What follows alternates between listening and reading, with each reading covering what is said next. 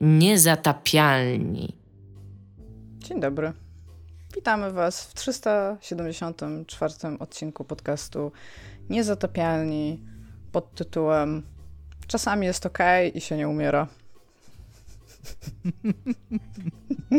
Taki spin-off znanego podcastu Wszystko jest najgorsze, potem umierasz. A ja jestem Iga Ewa Smoleńska. To nie jest spin-off, tylko to jest crossover, bo jednocześnie są to niezatapialni, więc... Trochę crossover. Jest, jest jak crossover episode. Crossover ze spin-offem. No, więc tak, tak, więc witamy. Ja się nazywam Iga Ewa Smoleńska, przywitałam się z wami. Będę zaraz e, się dyskremować, ale oprócz tego są tutaj ze mną również Tomek Pstrągowski. Nice! Ale zaoszczędziliśmy w ten sposób dużo czasu antenowego. Jeszcze raz. Tomek Pstrągowski. I Dominik Gąska. Dzień dobry.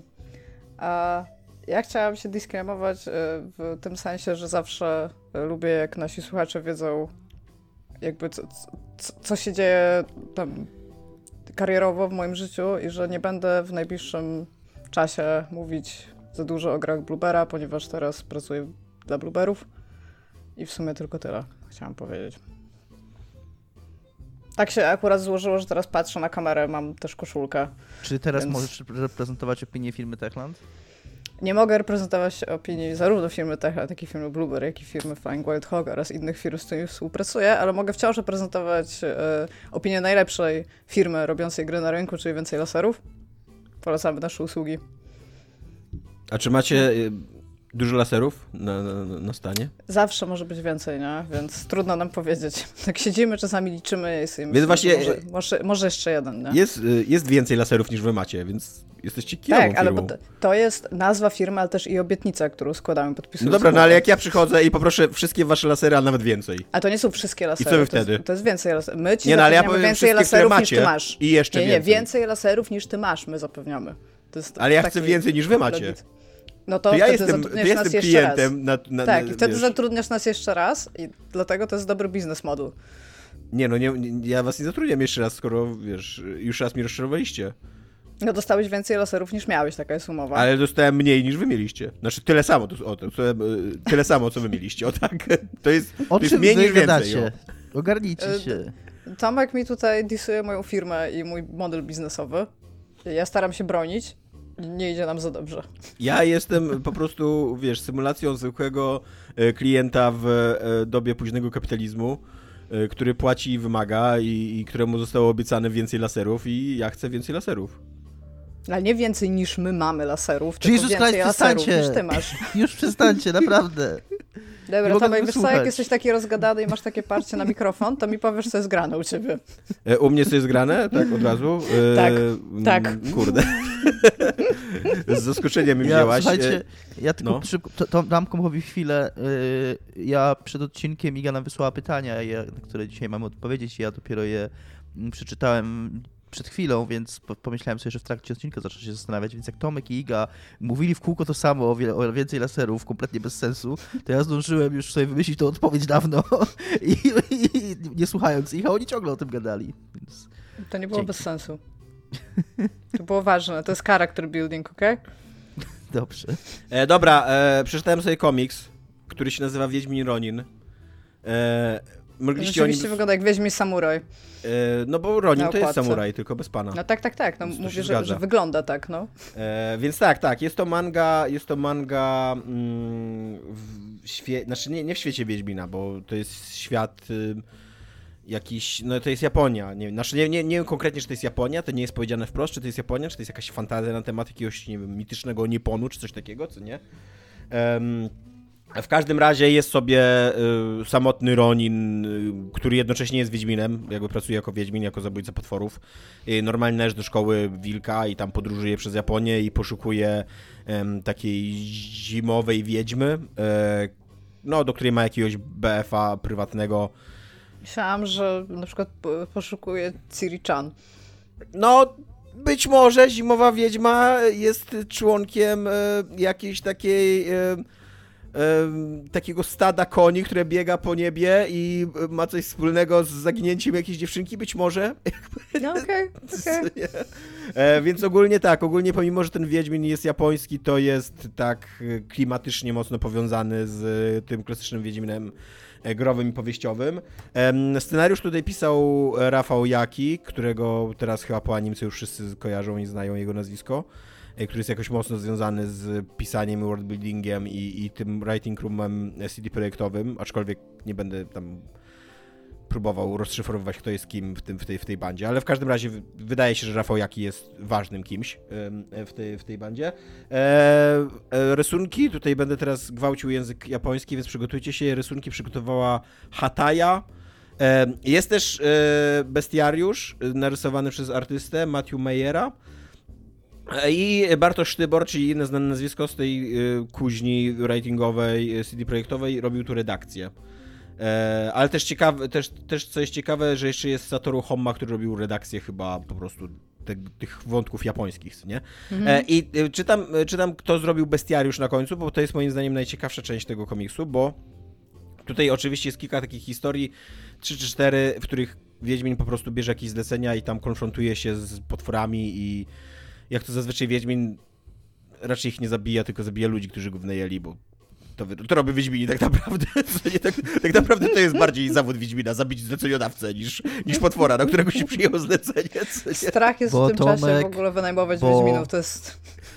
Bo prawdziwe potwory to ludzie. Tak, A. prawdziwe potwory to ludzie. E, pisarze CD Projekt Red bardzo głęboko i dogłębnie odrobili pracę domową z Sapkowskiego. Wydaje mi się, że nawet trochę zbyt głęboko i zbyt dogłębnie.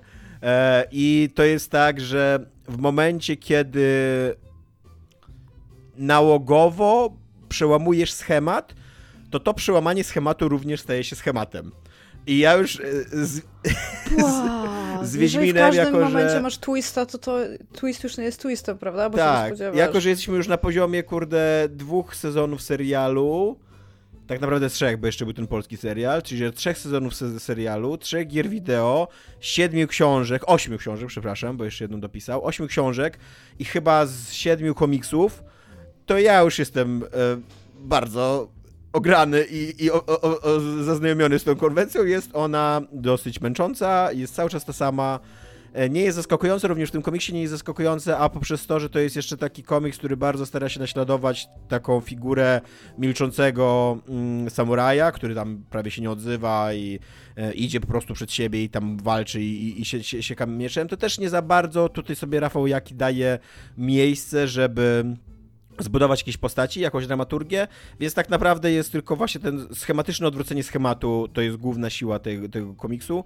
I to jest dla mnie dosyć rozczarowujące, ale tak właśnie wracając do tego, że dzięki temu, że jest ten bestiariusz i on, i Wiedźmin się mierzy z japońską, japońskimi potworami, z japońskiej mitologii pochodzącymi, e, to to jest, to to jest dla mnie, jako dla takiego czytelnika Tomka Pstrągowskiego z Polski, dosyć ciekawe, jakby, że, że tam widzę najpierw, że Wiedźmin idzie sobie, spotyka jakiegoś tam potworka, a, na, a po, po tym jak kończy się przygoda tego potworka, czyli zabija zleceniodawcę, który go wydają do zabicia tego potworka, to, e, to idę, do, idę na koniec i czytam sobie, co ten potworek e, oznacza dla Japończyków, dlaczego Wiedźmin się zachowuje tak, a nie inaczej, bo to też tutaj chyba dosyć dobry research został przeprowadzony, albo przynajmniej ten bestiariusz dostosowuje się do tego researchu, który przeprowadzałem, ale jakby, że zachowania wobec tego potworka i ten potworek, jego zachowania są w jakiś tam sposób tłumaczone mitologicznie i tak dalej.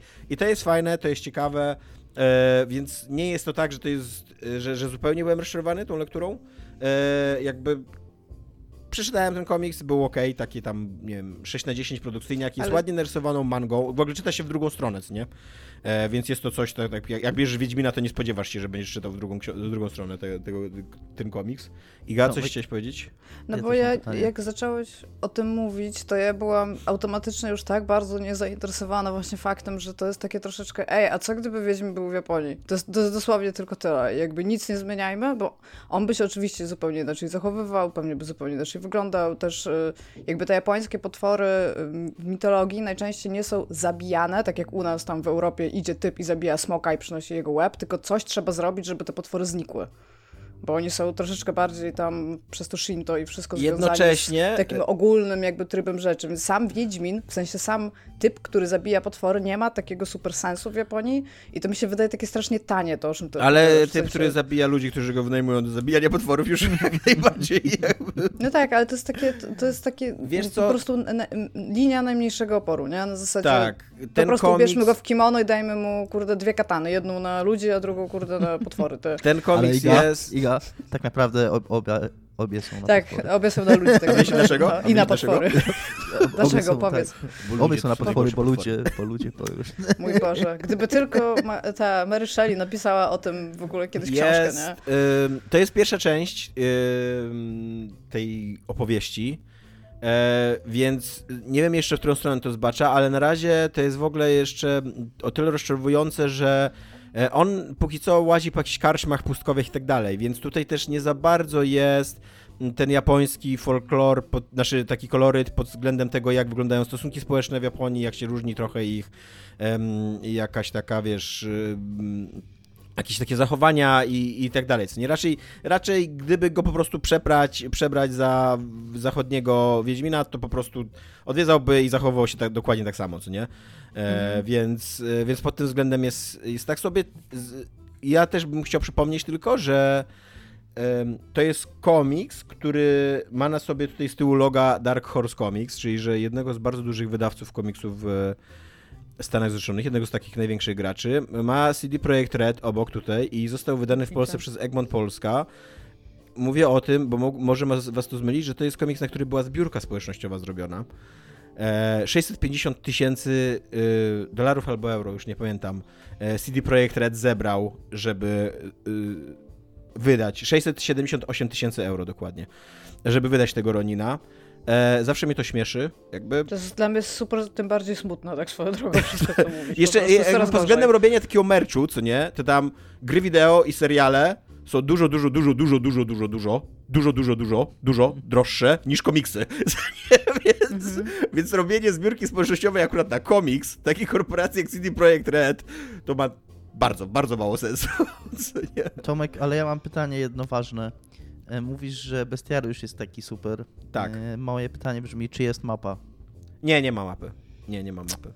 3 na 10. E, ale tak, no, e, nie, nie dość, że jest fajny ten Powinny bestiariusz, być to... takie kadry, czekajcie, powinny być takie kadry, że Wiedźmin nie wie gdzieś dalej, potem jest taki kadr z mapą, jest zbliżenie na znak zapytania w trzech następnych Tak. kadrach i, i Wiedźmin się odwraca i idzie tam. Czy Wiedźmin ma Nie, konia? o, w ogóle powinien otwierać mapę i powiedzieć, o, tu wcześniej nie było tego znaku zapytania, ciekawe co tam jest.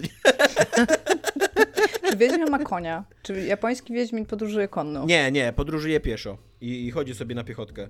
E, I tak naprawdę mm, on tutaj szuka tej, szuka tej wiedźmy, e, ale tak naprawdę to jest taki zbiór nowelek łączący się pod tym względem, że tam idziesz do karczmy i ci w karczmie mówią nam zrób to, a ci powiemy, gdzie masz iść dalej. On nie robi tego, tylko zabija zleceniodawcę, ale on mu jeszcze przy śmierci mówi, gdzie ma iść dalej. I tam idzie, idzie dalej do drugiej karczmy, do, do skrzyżowania i tam mu mówią zrób to, a ci powiemy, gdzie masz iść dalej. I on oczywiście tego nie robi, tylko zabija tego człowieka tam na, na, tym, na tym skrzyżowaniu, co nie? Ale on mu tam jeszcze zdąży powiedzieć, gdzie ma iść dalej, co nie? Więc e, to są takie, takie luźno połączone questy trochę, gdzie ostatni quest dopiero jest właśnie takim questem fabularnym, gdzie do, dowiadujesz się, że być może chodzi o jakąś dziewczynkę i być może jakiś gon pędzący po niebie ma coś wspólnego tutaj fabularnie z tym, co się dzieje, co nie? Czy myślicie, że Ciri będzie loli? Że co będzie? Czy że Ciri będzie loli? Nie, mam nadzieję, że nie. A będzie nie. przynajmniej taka chibi narysowana, że będzie mieć taką wielką głowę? Siri jest, Siri ma ile? Z 18-20 lat jest już za stara na to, żeby być Loli. No ale to jest japońska. Wiesz, ja wiem, że tutaj mocno trzymają się schematów, które wypracowali wszędzie, ale może, może przynajmniej tutaj z nim zerwą, nie? Może, nie wiem, wątpię, nie myślałem o tym. Okej. E, w każdym razie 50 zł kosztuje e, ten komiks. Mówię, jest to pierwsza część z nie wiem ilu, więc tutaj A, mam- w sumie jeszcze jedno mam pytanie, bo No. mówisz, że to jest manga. E, Tak. Kto jest comic reliefem? Nie ma comic reliefu, nie ma. W ogóle jeszcze... Nie wiem, co mam powiedzieć. Nie będę tego czytać, to mogę powiedzieć. Tak, tak na maksa i- nie będę tego czytać. E, I e, pomimo, że jest to manga, to sceny akcji są rysowane tak po europejsku, także bardziej musisz. No, że są skrótowe dosyć te sceny akcji, że nie do końca wiesz, co się dzieje na, e, na, na, na kadrach. Tylko musisz sobie wyobrazić, że teraz tam doszło do jakiejś wymiany ciosów i ten pada, a nie jak w stylu tych takich młodzieżowych dla nastolatków mang akcji, gdzie pojedynki są bardzo szczegółowo rozrysowane i cały czas jakby wiesz, co się dzieje. Oni w ogóle myślą non-stop o tych ciosach, które zadają i tak dalej, co nie?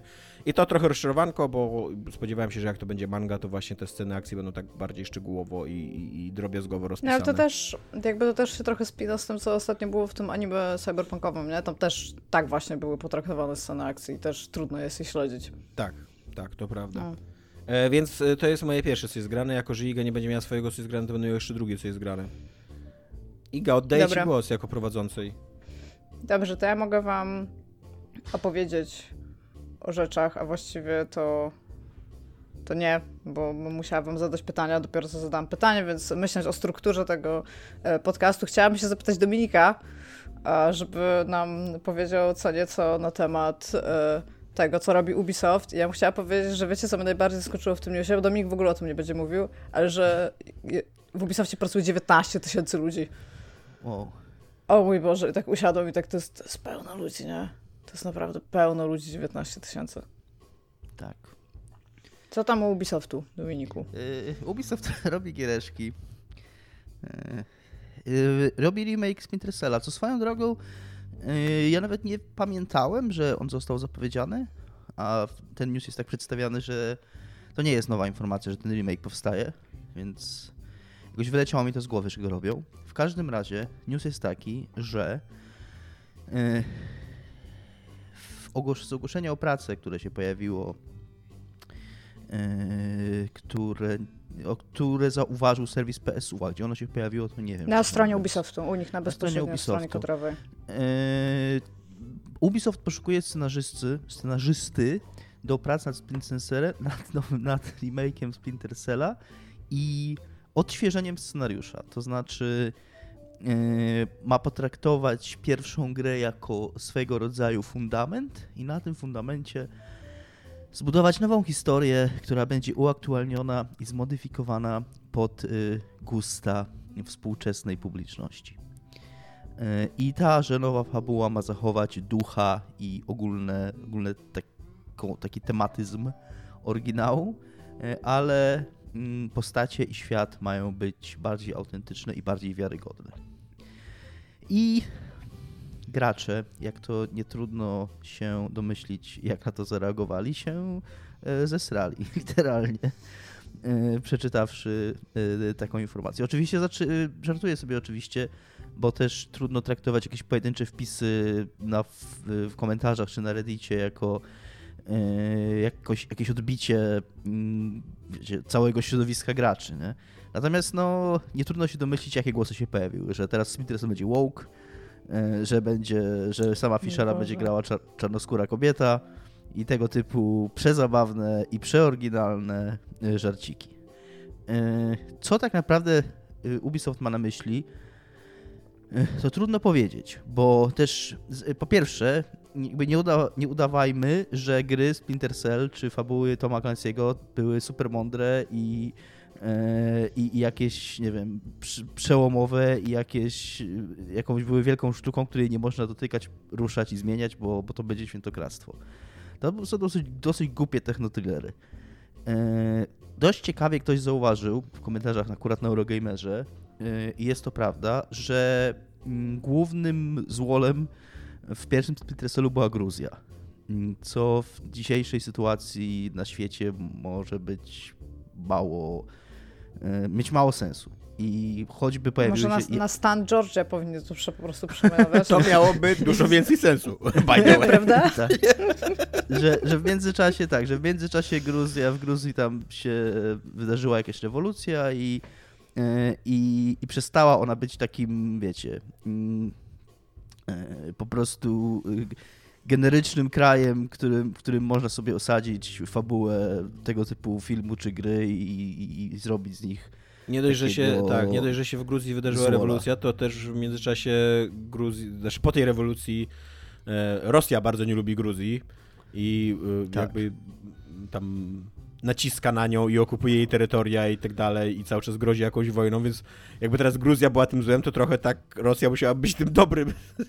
tak, i to trochę, i to choćby, i wydaje mi się, że na przykład to jest bardzo mm, sensowny taki trop, yy, co tak naprawdę Ubisoft może mieć tam na myśli. Yy, plus, no, to jest naprawdę stara gra. Ja nie wiem kiedy, jakoś początek lat 2000, tak bym strzelał?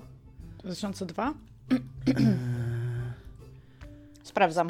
2002, tak, no.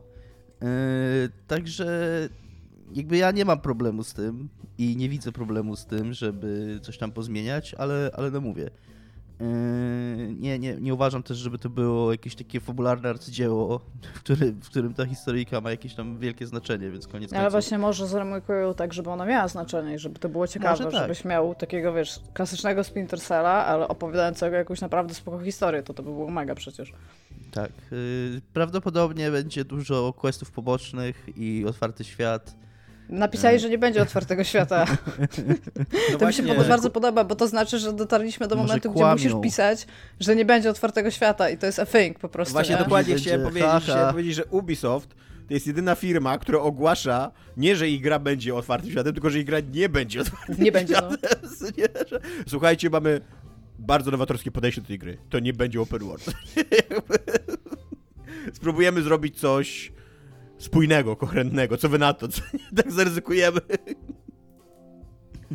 E, no nie wiem, ja wciąż uważam, że po prostu mogą powiedzieć ha, ha, ha, nabraliśmy was, jest open world.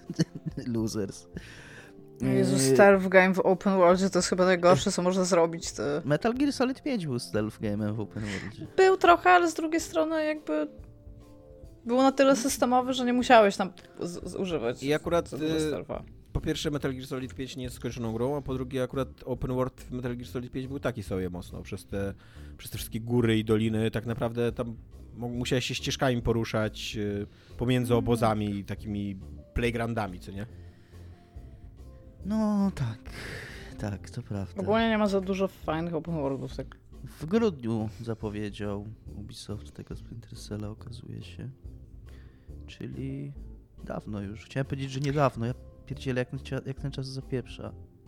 Ja bym chciała, to prawie rok temu, no. Prawie rok temu. Ja bym chciała powiedzieć, że jak Ubisoft zaczyna zapowiadać Splinter Cell, Tom Clancy, tam cokolwiek i ten, to ja już się wyłączam, bo ja nie śledzę w ogóle tych y, wydań, nie gram w te gry za bardzo, a wiem, że ludzie, którzy w nie grają, są zwykle confused, co jest nową grą, co jest DLC do której gry i jakby czasami im się zdarzało zapowiadać przykład sześć nowych tytułów i ale ja jestem dosyć ciekaw tak naprawdę, co oni zrobią z tym, bo Ubisoft dawno, no ostatni Splinter Cell to był coś 2013 rok, tak? Tak nam piszą. E, I oni jak poszli w te open worldy, te wszystkich open worldy mają elementy skradanki, bo i Assassiny i Far Cry i tak dalej. Ale taką właśnie mocno reżyserowaną, liniową skradankę, to kurna takiej skradanki oni dawno nie, nie robili, więc y, jestem dosyć zaintrygowany tym A pracuje tam 19 tysięcy ludzi, myślę, że zdadzą sobie radę jakby, nie? Myślę, że tak. Jakby każda z tych osób miała zrobić jeden element tej gry, to by było 19 tysięcy elementów gry, więc coś się da z tego ogólnie To raczej by nie była dobra gra, Iga. Nie, nie, myślę, że nie, ale z drugiej strony, tak jak mówię, jakby czy oni jeszcze robią dobre gry, czy po prostu wsadzają, wiesz, pieniądze w maszynkę i wychodzi kolejny Far Cry albo kolejny Assassin, nie? Znaczy, ja nie jestem wielkim e, znawcą tej serii, bo wskoczyłem na nie, do tego pociągu dosyć późno, dopiero na poziomie Conviction, e, a później jeszcze Blacklist był. E, oba mi się bardzo podobają. Jakby również uważam, że mają bardzo uroczy sposób prowadzenia właśnie takiej typowej jak się nazywa ten pisarz, ty wiesz, Dominik przed chwilą Clancy. Klans, tak, typowej klansistowskiej takiej właśnie fabuły, gdzie e, nie ma czasu, żeby cokolwiek wytłumaczyć, wsiadaj do tego pociągu, tam pędzimy, co nie, teraz. E, teraz musisz zabić prezydenta USA, musisz mi zaufać, co nie, i, i, i takie rzeczy tam się dzieją.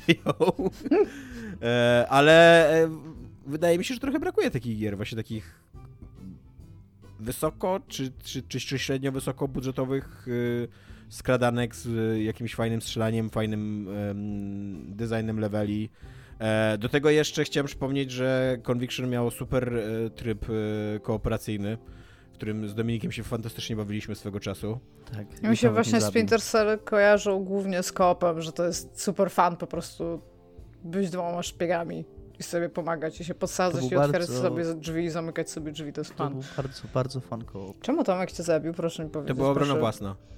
proszę powiedzieć, co się stało. Proszę tłumaczyć mi i na naszym końcu- słuchaczom. Na pewno opowiadaliśmy nieraz tę historię. Tam na końcu, spoiler do gry z 10-letniej, Jesteś dwoma agentami Eee, przede wszystkim. Jeden jest Amerykaninem, drugi tak. jest Rosjaninem. tak. Mhm. I na końcu jest plot twist taki, że macie się zabić. Że oni obaj dostają misji. rozkaz, żeby zabić Tak, że tego każdy, drugiego. każdy dostaje ro- rozkaz, żeby zabić tego drugiego. No. I, I polujesz na siebie. I Tomek był lepszy po prostu. Tomek grałeś Rosjaninem czy Amerykaninem? Nie pamiętam już kim grałem. Czy był lepszy, to trudno powiedzieć, ale tak się potoczyło. Ale kto odniósł moralne zwycięstwo? to jest ja zasadniczo odniosłem pytanie. takie zwycięstwo bardzo w stylu tej gry, bo Dominik do mnie szedł, a ja Czekajcie, bo Alexa się załączyła. Alexa, stop. e, bardzo, bardzo w stylu tej gry odniosłem zwycięstwo, bo Dominik do mnie szedł korytarzem, e, mówiąc coś przez mikrofon. E, taki właśnie jakiś taki, taki, y, taki, taki tok w tle, co nie? A ja po prostu stałem za załomem ściany i czekałem, aż do mnie podejdzie i wtedy nacisnąłem egzekucję i tyle. Tak, ja, ja tam role- roleplayowałem i mówiłem, że y, Tomek wyszedł i że nic mu nie zrobię i że musimy porozmawiać i że nie musimy tego robić. Czy coś takiego. Tomek Piękne to jest. Piękne w waszym zabił. charakterze bardzo to wszystko, co się dzieje, nie opowiadacie. Ja, ja nie chciałem wyciągać tego, że, że zabiłem Dominika, ale Dominik widzę, że się nie pogodził z tym. Nie, nie pogodziłem się z tym. Never forget. No dobrze. To mam teraz takie pytanie do was. E, to moje pytanie, ja je wymyśliłam. A to są pytania, które łączy pewien e, schemat tematyczny. E, być może domyślicie się teraz, słuchacze, kiedy padną już wszystkie trzy, jaki jest ten schemat. I chciałam się was zapytać, jakiej piosenki, płyty albo zespołu słuchacie, jak jest wam smutno? Dominik, może ty zacznij? Bo ty słuchasz więcej muzyki niż ja zdecydowanie. Yy, tak, yy, ale nie wiem, czy ja mam taką muzykę, którą słucham, jak jest mi smutno. Ja raczej tak nie. Yy, jakby. Nie wydaje mi się, żebym tak, żebym tak funkcjonował. Zdaje się, zdarza mi się słuchać różnej muzyki, zdarza mi się słuchać smutnej muzyki, jak jest smutno, i zdarza mi się słuchać wesołej muzyki, jak jest smutno. I jakby zależnie jak, na co mam ochotę. Jakoś tak nie, nie, jakby nigdy, nigdy w sposób nie podchodziłem, ale mogę powiedzieć o wesołej muzyce, której ostatnio słuchałem. A ostatnio wesoła muzyka, której słuchałem, to była nowa płyta zespołu The Vaccines. Bardzo spoko, takie wesołe lala. W ogóle lubię takie wesołe lalala, takie Gitary i britpopowe. la la la, to jest ulubiony Gitary i lalala to jest taki, to jest taki typowy Britpop Tomka. przez indie rock. E, Też Wombats mają bardzo spokojnie dawno płytę i to jest wszystko takie w typie właśnie Britpopu i, i ładne gitarki i la la la i takie wesołe, I więc słuchałeś sobie tego ostatnio i było ci smutno, tak? nie, znaczy ostatnio tego słuchałem i było mi wesoło. E, Czyli może- zupełnie nie to pytanie, które zadałam, luzik. Ale było, być może było mi wesoło właśnie dzięki tej muzyce, która mnie ustrzegła od tego, żeby mi było smutno, więc... Do, dobry cop-out, ale zarówno ty, jak ja wiemy, że odpowiadasz na inne pytania. A Tomaszu? No, cóż.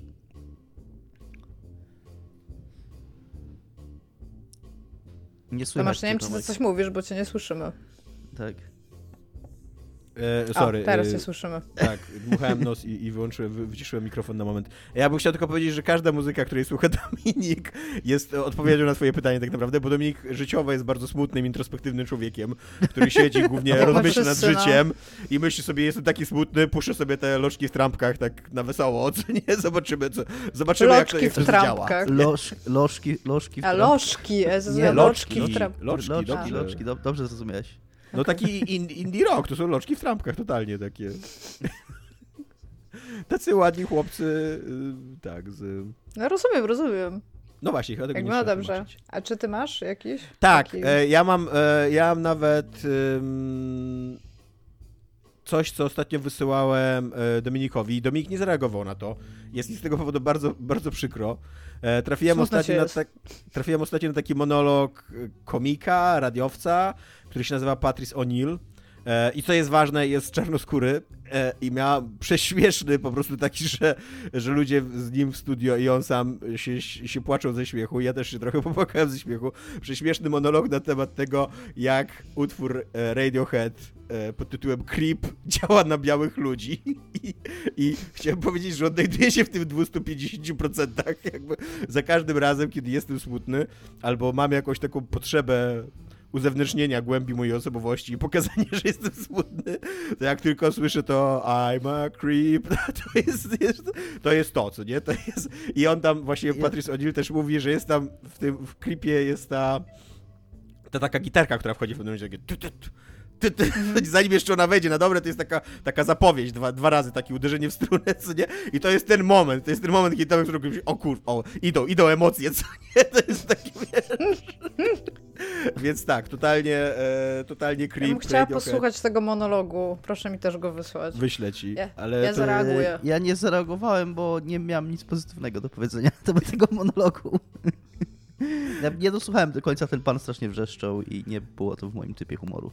Y, to prawda, że tak, że mówił podniesionym głosem, ale, ale ja się z nim zgadzam to, to, to totalnie, że jakby uważam, że y, przejrzał przynajmniej moją duszę, nie wiem czy, czy, czy duszę białego człowieka, ale przynajmniej moją duszę, że... Wszyscy biali ludzie mają bardzo podobne dusze, like, my jesteśmy identyką wszyscy, więc... Racist. Eee, Radiohead... Racist na białych, na białych ludzi to dobry racism, jakby, let's, let's do this. Radiohead y, uważam, że jakoś y, opanowało sztukę smutku. O tak, co nie? Jest to fakt, są, są muzyką, po którą sięgają biali ludzie. Możesz być, możesz być w najlepszym możliwym w ogóle nastroju jak zaczynasz słyszeć creep, to, to nagle stajesz się introwertycznym, zamkniętym Ale Paranoid sobie. Android też ma taki thing, albo tak. No Surprises na przykład, tak, nie? Więc prawda. jakby wszystkie te szlagiery są takie... Tak. Karma biał... też. Tak, zróbmy białym ludziom emocje. Tak. Iga, a jakiej ty słuchasz muzyki? Jak jesteś smutna? Ja słucham power metalu. Bo nie można być smutnym, trzeba pracować. A power metal, mnie... podwójna elektroniczna stopa to jest coś, na co zawsze reaguje mój organizm na zasadzie, dobra, napierniczamy kod, bo to robię już od bardzo, bardzo dużego czasu. I muszę powiedzieć, że Rhapsody of Fire, Dawn of Victory to jest niezmiennie jedna z moich ulubionych płyt. Ja słuchałem bardzo dużo, jak oni się jeszcze Rhapsody nazywali. Jak Nazywali się kiedyś. Rhapsody, tak. A później... Tak, i wydawali płyty i wtedy, i wiecie, jak się otwierały A dorośli płytę... artystycznie i nazywali się Rhapsody of Fire. tak. To jest, to jest tak stereotypowe. A później, jak wejdą na trzeci level, to będzie Rhapsody of Dragonfire. To jest tak, Patent jest taki, że... stereotypowy power metal o smokach i Mighty Dragon Rise. Mighty Dragon Rise. The Last Unicorn. Legendary Tales bardzo lubię również, ich płyta. Co chciałam powiedzieć, ja kiedyś sobie kupiłam oryginalną ich płytę, jak tam nie wiem, miałam, miałam mało lat, bo w ogóle jak mi jest smutno, to ja zauważyłam, ja nie lubię słuchać nowej muzyki, jak jest mi smutno, ja wracam do takich jakichś elementów dzieciństwo, dorastania. Takiej muzyki lubię słuchać. Ale kupiłam sobie kiedyś oryginalną płytę i wiecie, jak teraz to nie wiem, jak wyglądają oryginalne płyty. Nie wiem, czy się jeszcze kupuje oryginalne płyty CD, tam winy, ale to wiem, że wróciły. Ale tam była zawsze taka, e, taka książeczka, nie? Tam miałeś jakiś lyrics or some shit, nie?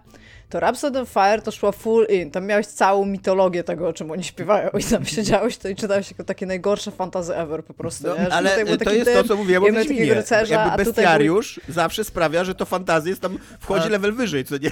No właśnie... Iga, jakby... czy, czy oglądałaś ich teledyski z tamtych czasów? Oni mieli jeszcze Nie, takie, chyba nie. Takie super niskobudżetowe teledyski, że taki facet z długimi włosami, z takim fejkowym mieczem. A miał gołą klatę? na łące stoli i pomachuje, nie pamiętam, ale to były jakieś takie, wiesz, takie wybuchy sztuczne. Takie, takie, ja muszę, to, ja już wiem, co, co robię przez resztę niedzieli w ogóle. Nie? Posłuchaj, posłuchaj, posz, obejrzyj sobie ich, ich teledyski takie właśnie z, sprzed 10-20 lat. Bardzo chętnie, ja jestem, ja mówię, ja mam takie, ja słucham Power Metalu jak muszę pracować i jest mi właśnie tam smutno, w sensie muszę tak troszeczkę nadgonić mózgiem emocje i słucham Power Metalu jak mam kaca. O mój Boże, jak to mi bardzo, bardzo pomaga, żeby sobie tak zapodać właśnie jakiegoś tam Dragon Force'a albo właśnie... Ale wiesz, że tak naprawdę to też jest trochę u, nich, co nie? Jakby przed y, tym pytaniem. Nie, no to jest centralnie płyta, właśnie mówię ci, jak mam kaca i jak jest mi smutno, to słucham power metalu. To się zdarza no właśnie bardzo też, często Ja też to zrozumiałem, życiu. żeby raczej słuchać właśnie wesołej muzyki, jak jest ci smutno, bo jak jest ci smutno, to nie chcesz słuchać smutnej muzyki. Tak, tak ja raczej nie, pod, Boże, nie podbijam... Jakby nie no, ale jest nawet taka, jest taka piosenka, że you put a sad song just to turn it around, nie? Że jest ci smutno, to że słuchasz smutnej muzyki. Nie, e, nie wiem, jest. Ja uważam, że... Jest, Uważam, że smutek i rozczarowanie i depresja i pogłębianie, jakby zagłębianie się w sam sobie w jakichś takich e, mrocznych, smutnych, e, introwertycznych myślach to jest istota człowieczeństwa i jak tylko jakby otwiera się przed tym takie okienko, to sobie myślę, o, to jest, to jest twoja szansa, Tomek, żeby być człowiekiem, co nie? Jakby you have to go deeper i te, wtedy właśnie, wtedy wyciągam clipa, wtedy wyciągam jakiś smutny grunge z lat 90., y, odpalam jakiś w ogóle, mam nawet playlistę sad lofi, co nie? Jak muszę pracować i być smutnym jednocześnie. jakby... Ja sobie zaczęłam ostatnio robić playlisty od nastrojów. Nie, to nie jest tak. moja, to nie jest moja playlista, jest po prostu okay. na y, z tym, tym um, Spotify'u ktoś zrobił sad, sad lofi. Um. Dziękujemy ci użytkowniku za tą potrzebną białą ludziom playlistę w takim razie. No dobrze, Tomaszu. Dobra, jednak nie Tomek. Taki chaosik malutki, mała farsa. Dominik jednak powie. Dominik, co jest u ciebie grane? Więc tak, po pierwsze mm, chciałem krótko powiedzieć, bo zacząłem grać w grę Deathloop, yy, która Dlaczego to... zacząłeś nie grać? która to w końcu pojawiła się 20 Teraz września. jest podwójny product placement będzie w ogóle, co nie? Mhm. Pojawiła się w Game Passie, więc jest Pierwszy. za darmo. Jest za darmo. E, I nie, nie, chcę, nie będę za bardzo mówił o Deflupie, bo za krótko w niego grałem, żeby swoją opinię na jego temat wyrazić. Na razie tyle, co pograłem, to mi się bardzo podoba. Podoba mi się przede wszystkim to, jednak trochę będę mówił o Deflupie, ale krótko. Podoba mi się przede wszystkim to, że wydaje mi się, że to jest pierwsza gra, mm, której się naprawdę udało Arkane to, co jak widać Arkane bardzo chce zrobić od zawsze, czyli mm, sprawić, żeby gracz improwizował jak najbardziej i nie wczytywał gry, jak coś tam się nie uda, tylko po prostu szedł z, y, na żywioł i, i, i, na, i reagował po prostu na, na zmieniającą się sytuację. Ja w Dishonored mówiłem, że mi się najlepiej grało, jak tak grałem, ale w Dishonored wciąż miewałem takie momenty, że miałem tak z tyłu głowy coś tak mnie podszeptywało, że, że źle to zrobiłeś, że możesz wczytać grę, to wczytaj, no, tak? Powtórz to. Bo, bo Dishonored, raz. tak, bo Dishonored fabularnie bardzo żeruje na takiej fantazji zabójcy, tak. co nie cichego zabójcy, więc... Tak. Ja też mi się też, też zawsze źle grało tak na chaosie, co nie, Dishonored. Ja grałam w Dishonored bez skradania, polecam. Iga, ty w ogóle wszystko grasz bez skradania, ty? No tak, ale to było, to było naprawdę, naprawdę trudno się, znaczy w sensie, naprawdę się trudno gra w grę, która jest skradanką bez skradania, mogę to powiedzieć, no. Nie jest to fan, a to... Więc, więc tutaj przez to, że oni w ogóle odebrali możliwość saveowania, bo cała gra jest zrobiona na tej pętli, więc po prostu jak ci nie wyjdzie, jak umrzesz, to powtarzasz pętlę i tyle, to to jest takie bardzo uwalniające. To jest takie naprawdę, że nie czujesz się, w ogóle nie czujesz, że coś robisz źle. Nawet jak zaczyna się robić chaos, strzelanie, uciekanie, chowanie się przed tymi ludzikami, to mi się bardzo podoba. A co mi się najbardziej podoba, to to, że gram w tę grę przez Xclouda. Drugi mm. product placement? przez chmurę i o tym chciałem opowiedzieć. Nie jesteśmy krótko. sponsorowani przez Microsoft, ale pewnie jesteśmy otwarci na rozmowę na ten temat, w razie czego. tak, tak. nie, nie Możemy wychodzić w Game Passie, ale gdybyśmy, gdyby ktoś chciał nas przekupić, to napiszcie to na Jesteśmy otwarci. tak. E, bo gra ta wyszła tylko na nowe konsole, tylko na PlayStation 5 i w związku z tym tylko na Xboxa Series X i S. Nie ma jej na Xboxa One. Jest na PC, ale ja nawet nie próbowałem e, jej instalować na PC, skoro mogę grać przez Xclouda na Xboxie. I tak jak już mówiłem wiele razy, ten Xcloud nie jest idealny, nie jest taki dobry jak Stadia, trzeci product placement, e, ale... Która również nas tym sponsoruje, ale... ale gra się zupełnie spoko. Szczególnie, że Deathloop ma ten taki, to takie przylepianie się do celów. Jak, jak robisz Iron Sight, to tak jak Call of Duty się przylepia celownik do najbliższego wroga, więc nie trzeba jakoś tam super celować. Ja nawet mogę powiedzieć, jaki to jest lag, e, bo próbowałem ostatnio grać też w tą grę takiego metalowego, rytmicznego shootera, coś tam Hellraiser, Metal Rising, Shoot and Rise coś tam, coś tam. Shoot tak, Rise Music with Metal Tak, coś Demons, takiego. Tak, tak się tak. chyba nazywa, no. Dokładnie, tak, tak. Nie Hellsinger jest... się po prostu nazywał? Hellsinger, tak. E, okay. Metal Edition. Coś tam Metal jest. E, I tam jest taka kalibracja, jak była w Guitar Hero, że można sobie skalibrować laga, mm, bo to jest gra rytmiczna. I tam ci pokazuje wartości tego laga, więc jako, że ta gra też nie wyszła na Xbox One, więc też przez chmurę ją uruchamiałem, no to robiłem tą kalibrację i ten lag wynosił coś około 100 milisekund. Y, co w przypadku takiej sporo. gry. Przy, w przypadku takiej gry rytmicznej to już było zauważalne i nie grało No ale dobrze. dzięki temu, że on ci pozwala dostosowywać tego laga, to dało się Tak, wyglądać, ale wciąż, wciąż jakoś tak coś było off. Jakby mm, trudno mi było to uchwycić, ale nie grało mi się dobrze w tą grę. Natomiast takiego Deathloopa, normalnie jak grasz na konsoli padem bezprzewodowym podłączonym do telewizora i tak dalej, to, to zawsze masz jakiegoś laga. Tam zwykle to jest 30-40 milisekund. Więc powiedzmy ten lag przez chmurę jest około dwóch razy większy, więc on jest duży. Znaczy relatywnie to do normalnego laga, jaki masz na kontrolerze, ale nie jest taki super zauważalny po chwili, jak się przyzwyczaisz do niego. Właśnie w takim defloopie, jak w grze rytmicznej tak, ale w takim defloopie ja na początku go trochę czułem, jakby czuć to, że przechylasz tego analoga i jakby ta kamera nie, nie obraca się od razu, ale trochę pograsz i przestajesz to zauważać. Szczególnie, że to jest druga rzecz, którą przy okazji mogę poradzić ludziom, którzy będą tak grali. Ta gra ma dwa ustawienia, bo jak grasz przez chmurę, to tak, tak naprawdę grasz na Xboxie Series X. I ona ma dwa ustawienia obrazu. Jedna to jest y, jakość, gdzie jest lepsza grafika i niestabilne 60 klatek. Znaczy obie, A druga obie to jest ilość i to jest ilość ekranów, które masz. E, A druga to jest, to jest y, płynność, performance i tam jest stabilne 60 klatek obiecują. I w tym trybie performance gra się dużo, dużo lepiej. Jakby z jakiegoś powodu w tym trybie jakości, jak spada, miałem takie sytuacje, że jak tam dużo wrogów było i spadał frame rate, to też, to też nagle mi to, mm, ten lag jakiś stawał się super bardziej odczuwalny. Więc po przełączeniu w ten tryb, y, ten tryb płynności gra się dużo, dużo lepiej i bardzo polecam. Jeżeli macie Game Passa, to jest w ogóle super, że coś takiego jest i że jest taka możliwość i że na dobrą sprawę mm, można bez konsoli, bez y, komputera, po prostu płacąc Game Passa, grać sobie w nowe giereczki i to działa zupełnie spoko. Mówię, nie jest idealnie. No- że bez konsoli, bez komputera właściwie No, nie potrzebujesz nic. Znaczy, no na telewizorze możesz, już są telewizory Tak, tak. z apką Microsoftową. E, Jak grałem na stadii, tam jest wartość laga, to tam ten lag wynosił około 50 milisekund, więc on był e, praktycznie nieistniejący. Tam praktycznie tak, tam niewiele większy niż normalny lag, który masz po prostu na, na telewizorze. nie? Więc tutaj jeszcze Microsoft ma coś do zrobienia, albo być może to jest kwestia jakichś tam centrów y, serwerowych, nie? że po prostu googlowski jakiś jest gdzieś tu blisko nas, więc to działa lepiej, a Microsoftowy jest dalej, więc to działa gorzej.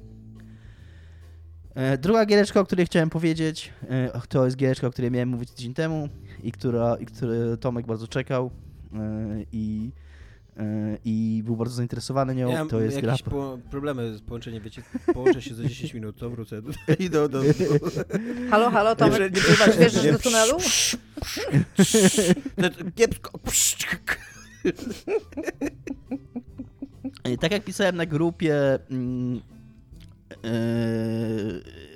jakiś tydzień temu, znaczy ponad tydzień temu, leżąc rano w łóżku, przeczytałem na Oregamerze recenzję gry pod bardzo generycznym, generycznym w cudzysłowie tytułem City Wars Tokyo Rain. I Rain nie jak deszcz, tylko jak e, władza. Władza? Reign. Tak, Reign, Tokyo Rain. E, Jest to e, mały indyk od firmy Mojo Bones Limited się nazywa. E, Nie wiem, czy oni cokolwiek innego zrobili. Impact Winter zrobili wcześniej, o taki był. Mm, Grałem w to nawet. Taki survival w zimie. E, Jest to karcianka. Taki roguelike deck builder w klimacie Slay the Spire, Monster Train i tak dalej. Tam kolejna taka gra.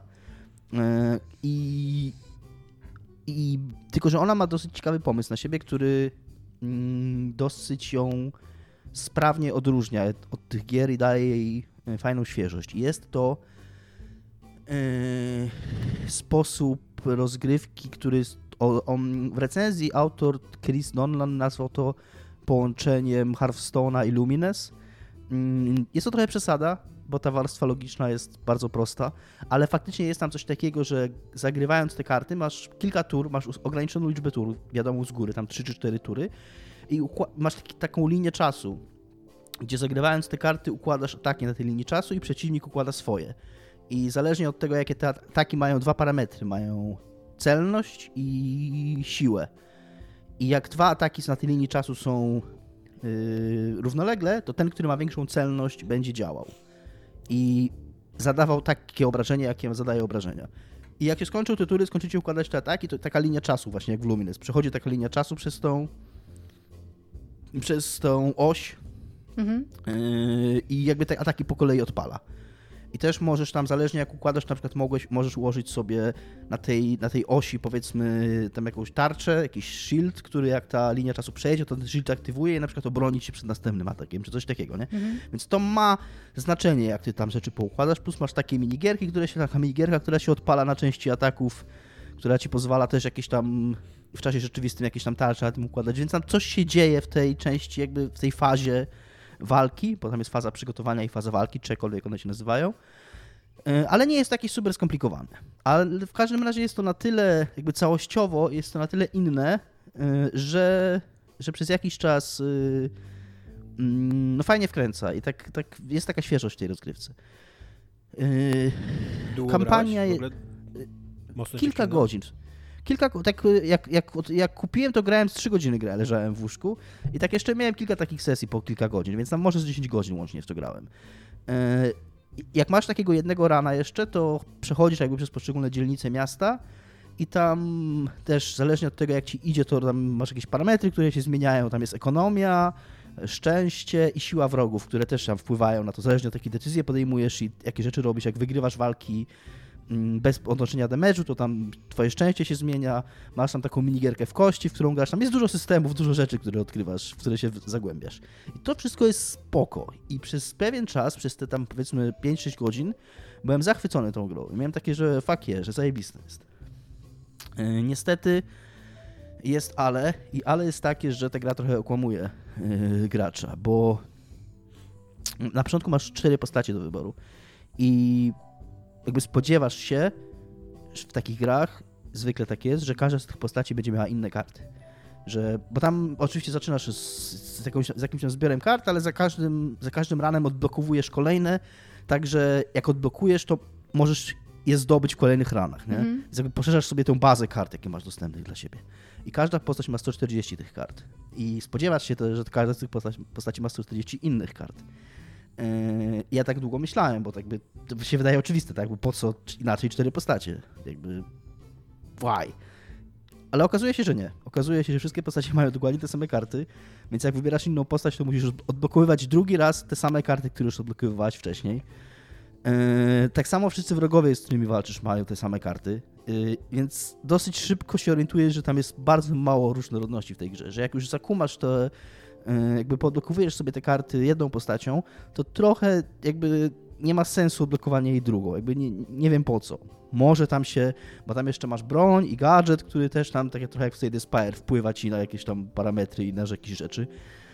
Więc może te postacie się jakoś tymi gadżetami różnią. Nie wiem, szczerze mówiąc, trochę jak odkryłem to, że że każda z postaci ma te same karty, to trochę mi motywacja siadła, żeby, żeby w to grać. Na pewno jeszcze wrócę, bo, bo jest to przyjemne i fajne. E, plus, jakby na koniec, żeby zakończyć optymistycznie, gra kosztuje 45 zł na Switchu, więc w tej cenie, nawet biorąc pod uwagę te wady jej i to, i to właśnie rozczarowanie, że, e, że jest dość mało różnorodna, to, to, to jakby za te pieniądze to jest zupełnie spoko. Jeszcze jedna, ale jednak nie zakończę optymistycznie, wbrew temu, co obiecałem, bo jest, jest jedna rzecz, która jest strasznie, która dodatkowo jakby zniszczyła moją motywację do grania w tą, gry, w tą grę. Ona ma straszne loadingi na Switchu. Yy, koszmarnie długo się wczytuje i to jeszcze pół biedy, jakby to się koszmarnie długo wczytywało mm, tylko jak się walka zaczyna, ale tam przejście przez każdy ekran, jak tam przechodzisz powiedzmy do ekranu talii, z ekranu talii do ekranu, tam, no jest ileś tam tych ekranów w interfejsie, tak? I przejście z każdego ekranu na każdy inny ekran to jest taki 10-15 sekundowy loading. Więc czasami jak powiedzmy, jak chcesz edytować sobie talię, bo też w określonych miejscach na planszy możesz edytować tą talię, to musisz tak, wejść do menu mm, powiedzmy tam tego, tego schronu, w którym jesteś, tak, to jest pierwsze menu, które się 10 sekund ładuje. Później wejść, wybrać jakby menu postaci, kustomizacji, to jest drugie 15 sekund. Na menu kustomizacji wybrać edytuj talię i to jest kolejne 15 sekund. I teraz jak wracasz znowu do tego, yy, wiecie, do tego widoku, gdzie idziecie przez dzielnicę, to znowu trzeba cofając się przez te wszystkie ekrany przejść i każdy ekran się ładuje 10 sekund. I jest to strasznie irytujące i, yy, i mówię, no nie spotkałem się z, tak źle zrobionym. No właśnie, e, czy ona wygląda na tyle efekciarsko, żeby uzasadniać coś takiego, czy to jest po prostu raczej słaba optymalizacja? to jest coś tam jest z kodem nie tak z, na 100%. No ale wygląda dosyć ładnie, bo to jest takie dosyć powiedzmy ładne 3D, ale bardzo stylizowane. To jest taka, to nie jest absolutnie żaden tam potwór, jeżeli chodzi o, yy, o tą stronę techniczną, więc są tam ludziki poligonalne, animowane, które tam się ruszają, jakieś tam cutscenki i tak dalej, ale, ale to absolutnie nic nie uzasadnia. Tam coś z zarządzaniem pamięcią musi być spieprzone straszliwie, że on to musi za każdym razem, na każdym ekranie mm, takie długie loadingi robić. Także trzeba dosyć dużo. Y, jest to sympatyczna giereczka i, i ma fajny pomysł na siebie, y, ale, ale dosyć dużo niestety wymaga od odbiorcy cierpliwości i, i, i wyrozumiałości ale 45 zł, jakby... Y, Jak zapewniam... cenisz bardzo mocno tam swój czas i fakt, że gra Powiem tak, yy... za 45 zł? Wyda, zdarzało mi się w swoim życiu dużo, dużo, dużo gorzej wydać 45 zł niż, niż na tę grę, więc yy, zróbcie z tym, co Przy uważacie. dzisiejszej inflacji to... to w zasadzie za darmo się tą grę dają. jest to karcianka deck builder, jakby jak Ale ja z drugiej strony takiego... też dwa razy więcej masz y, Return to Monkey Island.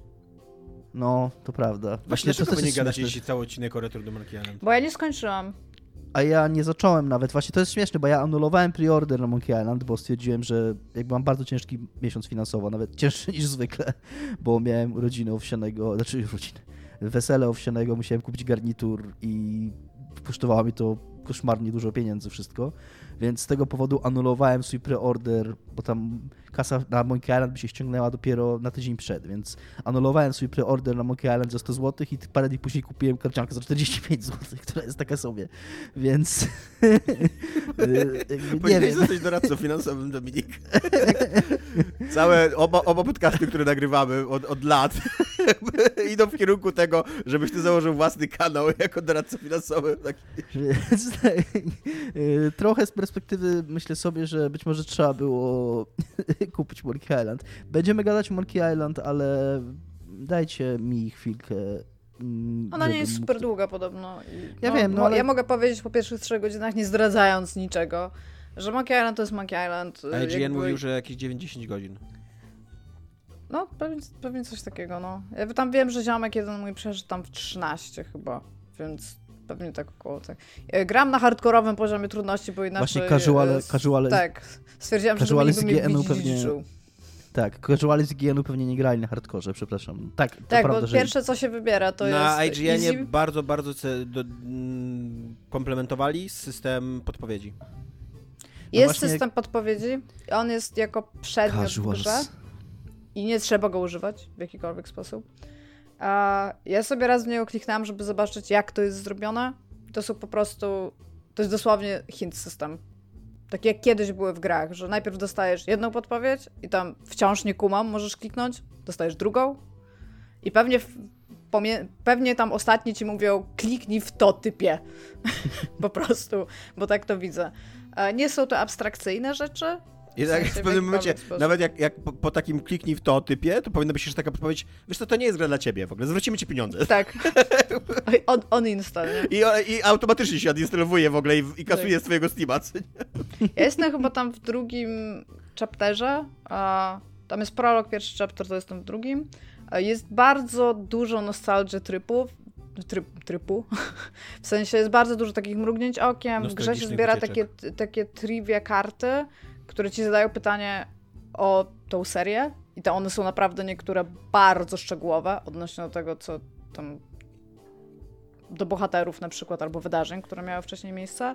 Jest dużo od, odniesień do wcześniejszych przygód jakby Guybrush'a, ale raczej z tych pierwszych dwóch części, tak? E, aczkolwiek jest tam też kilka pytań o trzecią część, na przykład, co tam trochę doceniam. A, Muszę przypomnieć sobie ale, trójkę.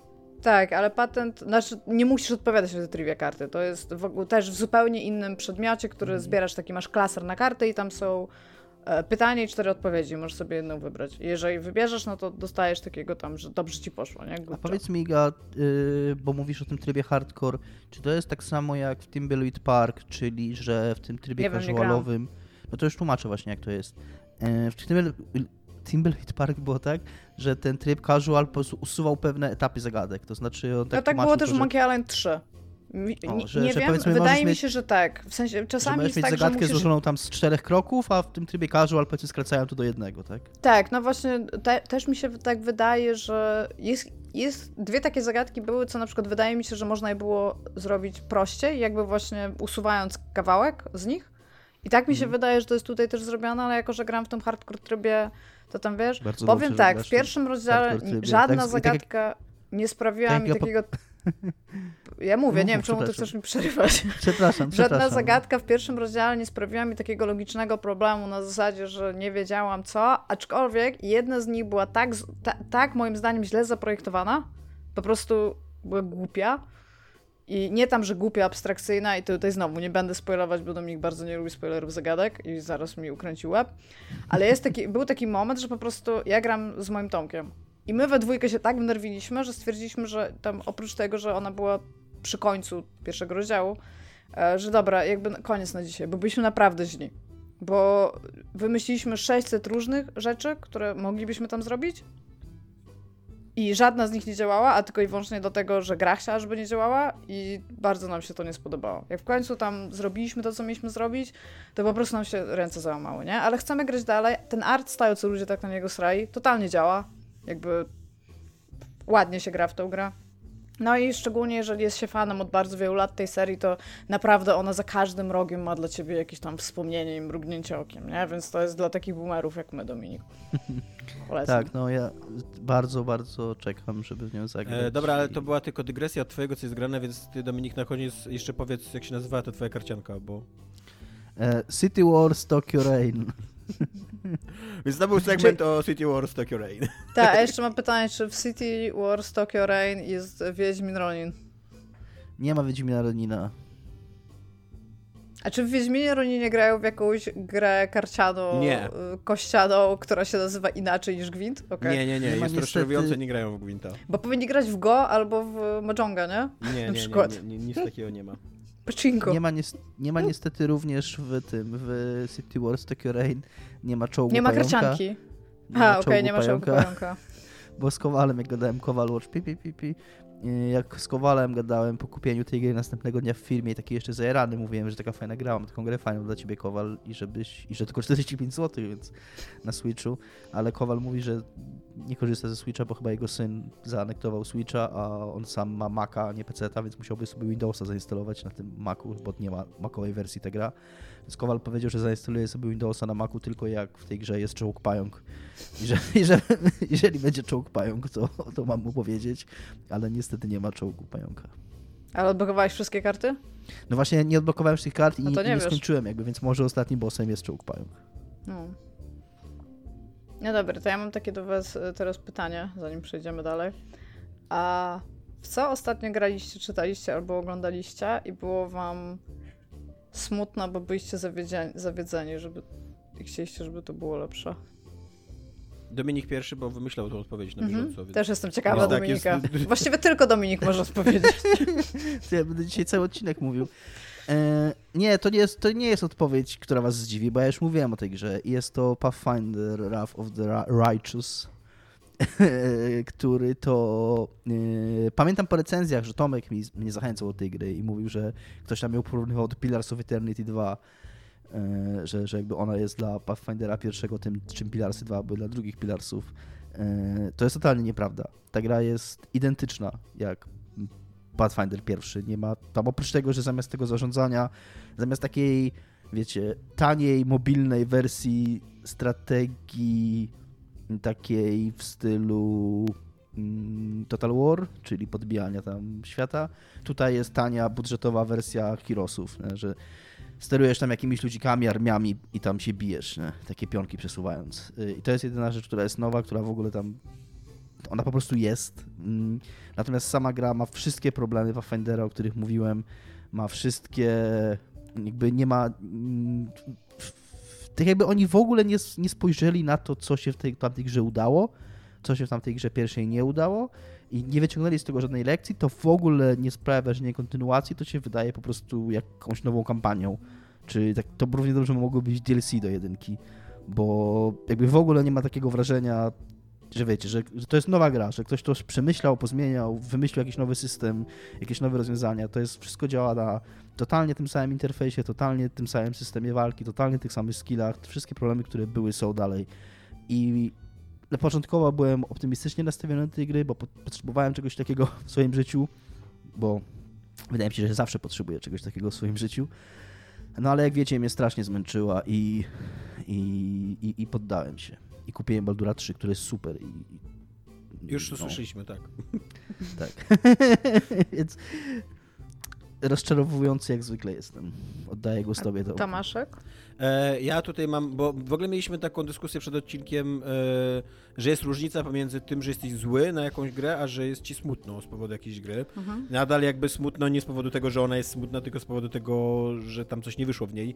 I dla mnie taką grą ostatnio to jest Back for Blood, nasze ostatnio, to też nie jest jakiś ostatni smutek, bo jak ją kończyłem jakoś chyba w lutym czy marcu, e, tak drużynowo sobie graliśmy, e, firmowo i, e, i to, to miał być pogrobowiec Left 4 Dead mhm. i jest znaczy ona chce być pogrobowcem Left 4 Dead, bo są zombie i jest czterech kolesi i kolesiówek. Pogrobowcem? I, pogrobowcem, no takim. Co to znaczy? Co to za termin? No, no że tam to już nie wychodziła, a teraz to po śmierci, tak. tak. Okej, okay, nie, nie słyszałem nigdy tego. E, I e, no i jakby ona bardzo się stara, jest tam też była reklamowana, że robiona przez ludzi, którzy zrobili Left 4 Dead, co nie do końca jest prawdą, e, bo tam jak porównywano w ogóle nawet kredyty, to po prostu kilka, literalnie kilka nazwisk po prostu przeszło, znaczy jest w tym nowym studiu. E, Ale to i... tak, tak robisz do pitchów gier, jeżeli robiłeś tak. kiedykolwiek cokolwiek przy jakiejkolwiek grze, to mówisz, że from the creators of, jakby. Tak. A tak. to, że tam robiłeś marketing, i jakby i to, jest do, to jest spoko gra, znaczy to jest słynne, słynne powiedzenie e, Michała Piwowarczyka jeszcze czasów nie zagrywek, co nie, że sprzątanie ziemi udowadnia, że jak się to robi wspólnie, to nawet wspieranie śmieci jest zabawne. Więc jak się to robi wspólnie w, cztery osoby, to nawet zabijanie zombie w nie najbardziej udanej grze jest zabawne. E, ale później zaraz jak, jak skończyliśmy Back 4 Blood, to zaczęliśmy grać w Left 4 Dead i e, różnica w ogóle w klasie w tych, w tych grach, gdzie Left 4 Dead 2 jest, kurde, 10 czy 15 lat starsze, jest, y, no smutna, co nie? Jakby Back 4 Blood... Left 4 Dead wciąż się bardzo... Tak. Ja też przechodziłam w zeszłym roku wszystkie e, Left 4 Deady i tam z DLC-kami to whatnot i jest amazing tak. po prostu wciąż. I, no. i Back 4 Blood ma bardzo dużo takich, takich e, właśnie niedociągnięć, które wynikają albo z jakiegoś braku czasu, albo z braku polishingu, albo z tego, że właśnie nie wiem, to studio nie jest na takim poziomie, jakim, na jakim był Valve i to chyba nie robił tylko Valve, tylko właśnie jeszcze z jakimś tam e, studiem pobocznym, na jakim, na, na, na jakim byli ci ludzie, bo y, zarządzanie hordą, zarządzanie y, jakby tym, co się dzieje, dzieje w ogóle na mapie, co nie, e, zarządzanie specia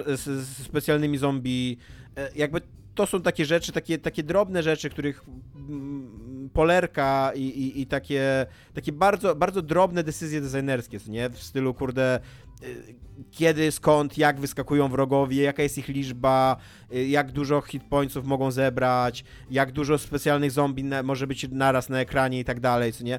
Które robią tą grę. I widać bardzo gołym okiem, że w Left 4 Dead, znaczy, że w Back 4 Blood to nie jest dopracowane, że, że po prostu brakuje tego, tego takiego magic toucha na końcu, e, że bronie nie sprawiają takiej satysfakcji, że ten naj, najfajniejszy, najciekawszy pomysł, jaki, jaki ta gra ma na siebie, czyli te układanie sobie talii i, i jakby zbudowanie dzięki temu trochę różnych wariantów postaci, co nie, w, E, to jest ciekawe, nawet pomimo tego, że są karty, to tam pogodziłem się z tym i, i, i, i zastanawiałem się, jak to robić i tak dalej, ale de facto to ma dosyć niewielki wpływ na tą grę. I to właśnie było tak, że nie byłem zły na nią, bo to nadal jest spoko gra, jakby nadal się świetnie bawiłem. I, i, i nadal się, wiesz, spotkałem się, spotykałem się z, z przyjaciółmi na kilka godzinek i zabiliśmy zombie, ale w porównaniu do Left 4 Dead, no to taki byłem smutny, że to nie jest Left 4 Dead 3, co nie? To nie jest no nie, nie doskoczyli jakby do tej poprzeczki, którą oni sobie sami stawiali, bo oni sami non-stop powtarzali, że to jest właśnie kontynuator Left 4 Dead, że to, że to są ci sami ludzie, że takich gier teraz się nie robi, że... Co też jest nie do końca prawdą, bo są i Warhammery, e, te Vermintide, tak? Które, które są Left 4 Deadem, tylko... Słucham? Vermintide. No, no właśnie, tylko e, to są, to, to Ale- są dokładnie Left 4 Deady, tylko w Tak, innych- tylko w że Left 4 Dead... Tak, tylko że Left 4 Dead wciąż jest dużo, dużo lepszą grą niż Warhammer Vermintide, nie? Tak, ale mi chodzi tylko o to, że nie do końca prawdą była taka narracja, że już się takich gier nie robi, co nie?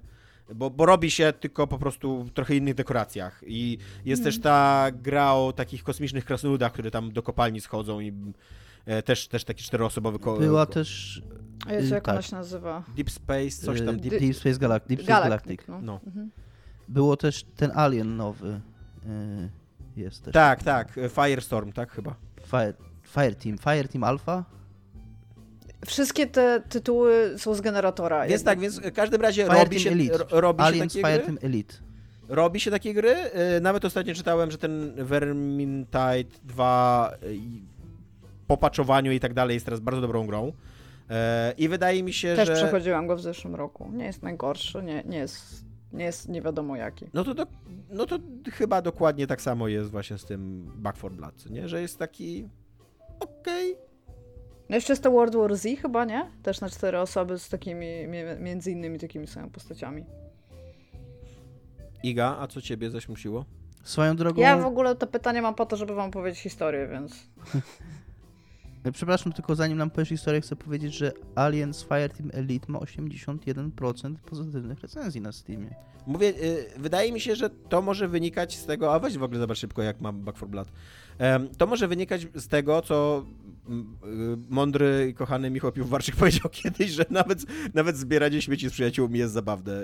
Tak, ale le- Back 4 Blood mam dużo gorzej, już ci Tak? mówię dokładnie, ale już widziałem, że 6 na 10. Mam mieszane. Wszystkie recenzje 65%. U, no to słabiutko, no. Iga, dajesz historię. Nie wiem, czy pamiętacie, jak bardzo kochałam Outer Wildsy. Pewnie pamiętacie, bo nie mogłam o tym zamknąć dupy. Po prostu wszystkim pukałam po sąsiadach, tutaj się pytałam, czy już grają w Outer Wildsy, bo powinni pograć w Outer Wildsy. I potem wyszło to DLC i ja trochę czekałam na to DLC, żeby pograć, żeby mieć tam taki moment, żeby tam ta, ono się nazywało Echoes of the Eye i nie wiem, czy pamiętacie, że ja kiedyś w podcaście mówiłam, że jest tam, ja wtedy byłam trochę zła na to, że tam są takie bardzo, bardzo długie sekcje skradankowe i że Tak. jeszcze nie skończyłam tej gry, bo już mam jej trochę dość, ale na pewno ją skończę. No i miałam to drugie podejście. Ostatnio. No i stwierdziłam, dobra, jakby to jest jakieś 3 czwarte tego DLC, gdzie jestem. Nie zostało mi dużo. Przechodziłam skradanki w życiu, cierpiałam mega, ale zacisnę zęby, bo to są Outer Wilds, nie? I pograłam trochę i nawet tam jakby dobrze mi szło, ale stwierdziłam, że nie ma szans, żebym ja sobie zmarnowała wszystkie dobre wspomnienia o tym, jak super była podstawka do tej gry, tym pieprzonym DLC. I odinstalowałam. I stwierdziłam, to jest koniec, kurde, jakiejś ery, gdzie jeżeli na przykład teraz by wyszło Outer Worlds 2, to ja realnie nie wiem, czym chciała je kupić. A ja się uczyłam grać themes tej gry na instrumentach i naprawdę przeżywałam to forever, słuchałam sobie soundtracku, byłam naprawdę zakochana w tej grze. Jedną głupią decyzją designerską po prostu jest mi bardzo przykro. Myślałam realnie, że się popłaczę, jak to odinstalowałam z mojego Xboxa. Mm. Więc po to chciałam. Teraz chciałam Outer Wilds wyjdzie na PS5, więc trochę się zastanawiam, czy nie, nie spróbować. Jakieś próbowałem podejść do tej gry. Podstawki, podstawkę tak. DLC na śmiecie. Po Powiedzcie mi tylko spalić jedno, go. bo jakieś robiłem do niej podejście, ale strasznie, strasznie mnie drażniło sterowanie tym stateczkiem, lądowanie i tak dalej. Czy to jest do opanowania, albo czy to jest jakieś naprawione? Tak, szczególnie, że to jest w większości automatyczne. No nie wiem, nie pamiętam. Z tego co Ja- pamiętam, to tam cały czas się o coś rozbijałem i taki, taki było... Ja miałem Nie, to, co nie, ty, masz- Tomek. Masz, masz normalnie. To, to jest. Pierwsze 5 czy tam 10 minut może być trudne, potem to już jest. To nawet nie było dla mnie super trudne, proste. tylko było irytujące. Takie... Nie, to, Ja jest, ale mam- to, jest, to jest w pewnym momencie super proste. Sobie tam potem tylko e, robisz, e, jakby tagujesz sobie planetę, jak już masz je odkryte, on ci do niej leci, przy atmosferze się zatrzymuje i włączasz mu tryb lądowania. Okej. I Ja bez miałem to- problemu. ja Ja już to niestety- chirurgiczną, chirurgiczną precyzję potem możesz robić, to jest na tyle proste. Ja niestety, pamiętacie co ja, jak ja mówiłem i ja się muszę nie zgodzić z Igą, W tym sensie, że może lądowanie na planetach masz rację, ale ja się od tej gry odbiłem dokładnie przez to, co ty mówisz, Tomek. To znaczy w pewnym momencie tam jest taki, byłem w takiej, jakby byłem w takim mindsetie, że już wiedziałem, co mam robić, że jakby masz tego time loopa, nie? Jakby znałem te kroki, ale jak musiałem tym stateczkiem właśnie przez te jakieś wąskie tunele latać i gdzieś tam jest, takie, jest taka planeta, gdzie się piasek przesypuje, więc tam mm. musisz wlecieć do, jakiej, do jakiejś jaskini, zanim ten piasek dojdzie do odpowiedniego poziomu i tam się to... obijałem o te ściany i... Jakby jeżeli jest jaskinia i jeżeli jest wąskie przejście, to jest tylko jeden element tej gry, gdzie musisz to robić w statku, całą resztę zostawiasz statek, wychodzisz i jesteś tam ludzikiem. No w każdym razie, mówię, ja miałem tak, że się odbiłem od tej gry, że mnie wkurzała, że mnie wkurzało właśnie, że musiałem robić takich dużych rzeczy manualnych, irytujących.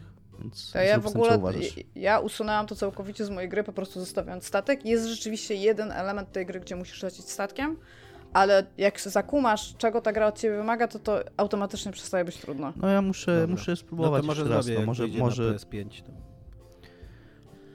Bo muszę jest tyle gier na PS5, że... Wychodzą zaraz, ok? Różne.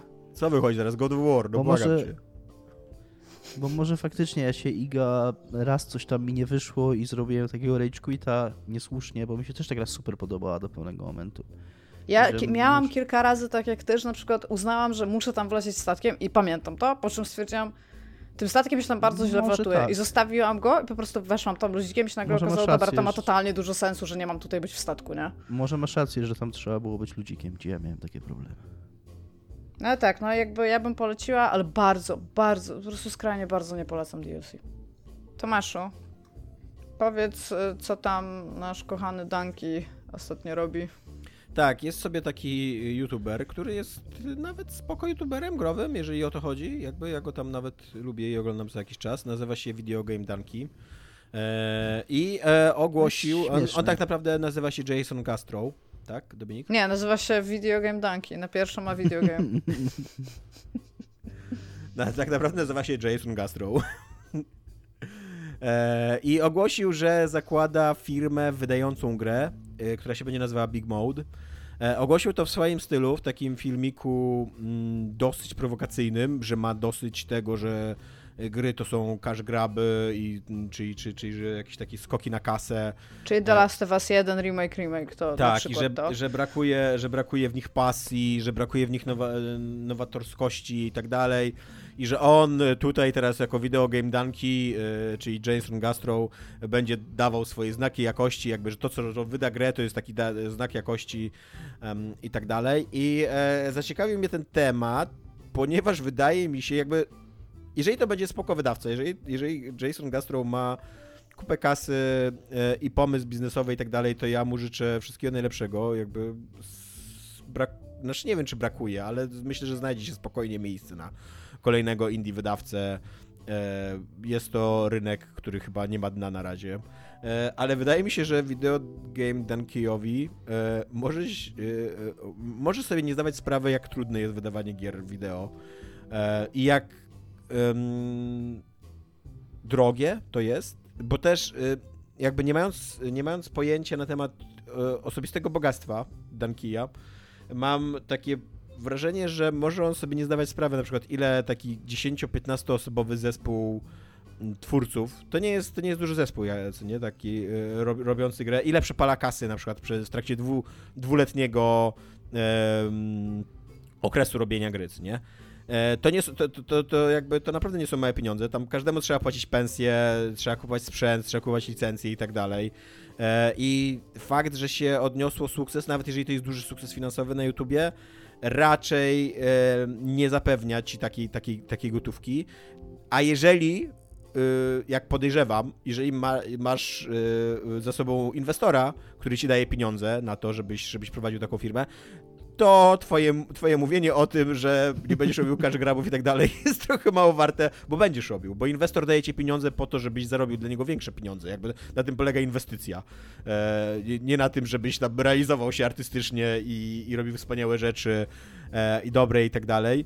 E, on e, na, na, na, stronie Big Mode w ogóle ma taki, tak, taki właśnie mm, formularz, żeby, żeby aplikować ze swoimi grami i tam e, oczekuję od, od gier takich rzeczy jak fun, substance, e, originality, passion and artistry E, a także... To są moje ulubione rzeczy w korpo ogarnianiu twoich e, tak. umiejętności, na przykład na, na pół, jakieś rozmowy półroczne. Jak tam e, twoje zaangażowanie, jakby, nie wiem jak się to mierzy, ale jak mi wsadzicie termometr w nos, to zobaczymy, no jakby... Tak, z jednej, to, to w ogóle właśnie tak, z jednej strony brzmi to super. Miało nie być w nos jakby co, ale się powstrzymałam, przepraszam. Właściwie myślałem, że w dupę powiesz. No tak myślałam, tak chciałam powiedzieć, no, ale, ale, nie powiedziałam. Z jednej strony to, to brzmi super, że szukamy w ogóle dobrych gier, co nie? Jakby ale z drugiej strony nie przez przypadek wydawcy się specjalizują w jakichś segmentach i tak dalej. Nie przez przypadek gry przygodowe mają wyspecjalizowanych wydawców, którzy wydają głównie gry przygodowe. Nie przez przypadek, e, jak myślicie o Devolverze, to praktycznie wiecie, w jakie emocje, jaką stylistykę celuje y, Devolver, bo gier dzisiaj wychodzi 50 miliardów dziennie, jakby to jest akuratna liczba, Zda, jakby to dokładna, jest robiłem to badania jest bardzo, To jest, tak, to jest, to jest bardzo dokładna liczba, zgadzam się. I e, bardzo precyzyjne, przebić... bardzo precyzyjne szacowanie. Tak. Przebicie się do świadomości odbiorcy z, tą, z, z tym, że ty w ogóle masz taką, jakąkolwiek grę.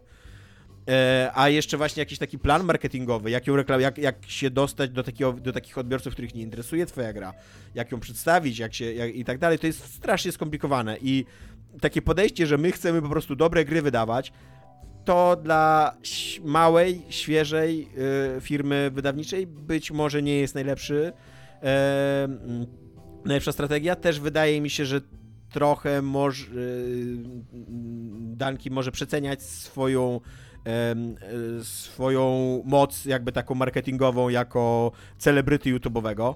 E, bo też to, że ktoś obejrzy, to, że ktoś ogląda Ale nie masz filmiki... na przykład z tym problemu, że jak, w jaki sposób on ma pozostać dobrym YouTuberem, jeżeli on ma reklamować gry, które sam będzie wspierał pieniężnie? To też, jakby, tak. To, to, jest jakby on nie powinien w ogóle, bo on mówi, że ta, to wydawnictwo to będzie przedłużenie jego kanału YouTube'owego. Ja siedzę i ja mam już sześć red flags po prostu nad głową, że w jaki sposób. To jest tak, jak my byśmy nagle teraz stwierdzili, że zaczniemy wydawać grę. Tak? Jakby tak. byśmy gdzieś wpłacili i byśmy za, za, nagle zaczęli mówić na antenie o tym, że y, gramy w jakąś grę, którą co prawda wspieramy pieniężnie, ale no jakby teraz wam powiem, jakie ma jakby dobre strony. Jakby it doesn't work that way. Z jednej Bo strony ludzie tak. oglądają Dankiego, dlatego, że on jest zabawny, i dlatego, że tam fajnie skręca te filmy, ale też dlatego, że on się wypowiada na temat tych gier w taki sposób, w jaki on no o nich sądzi, tak?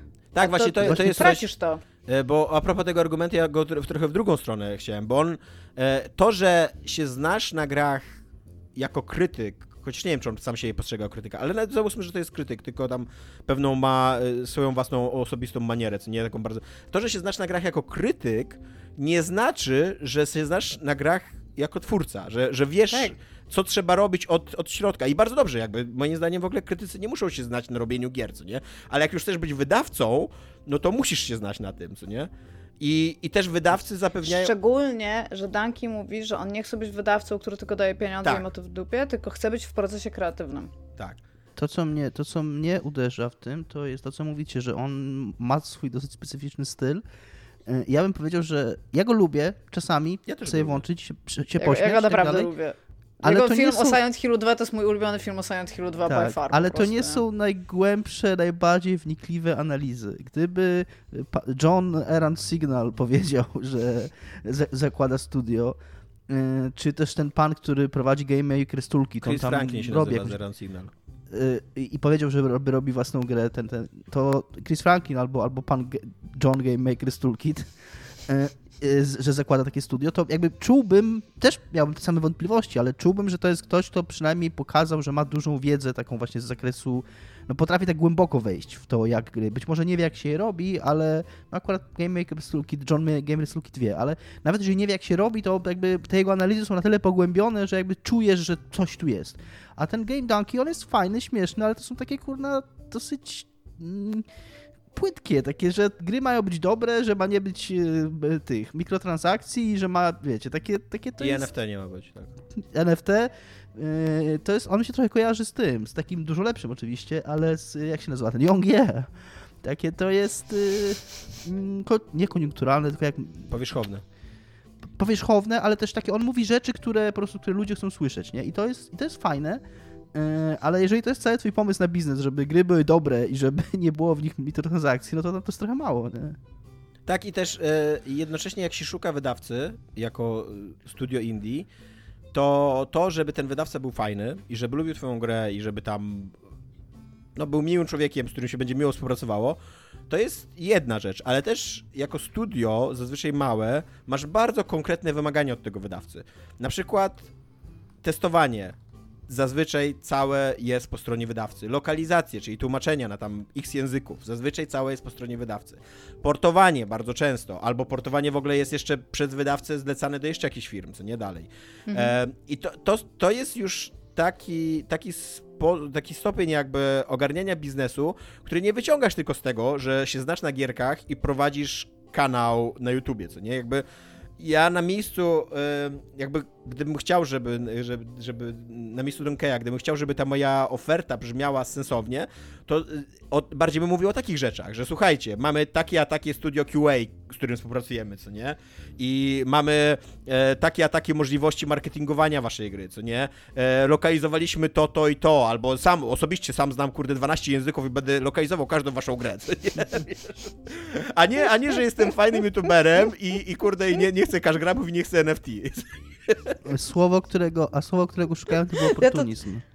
Dobra, ja totalnie ufam osobie, która mówi, rozmawiam w 12 językach płynnie. To są akurat te języki, na które tam, te 11 podstawowych, na które zwykle tłumaczy się grę na wszystkie rynki, więc I've got you, I got you back, fam.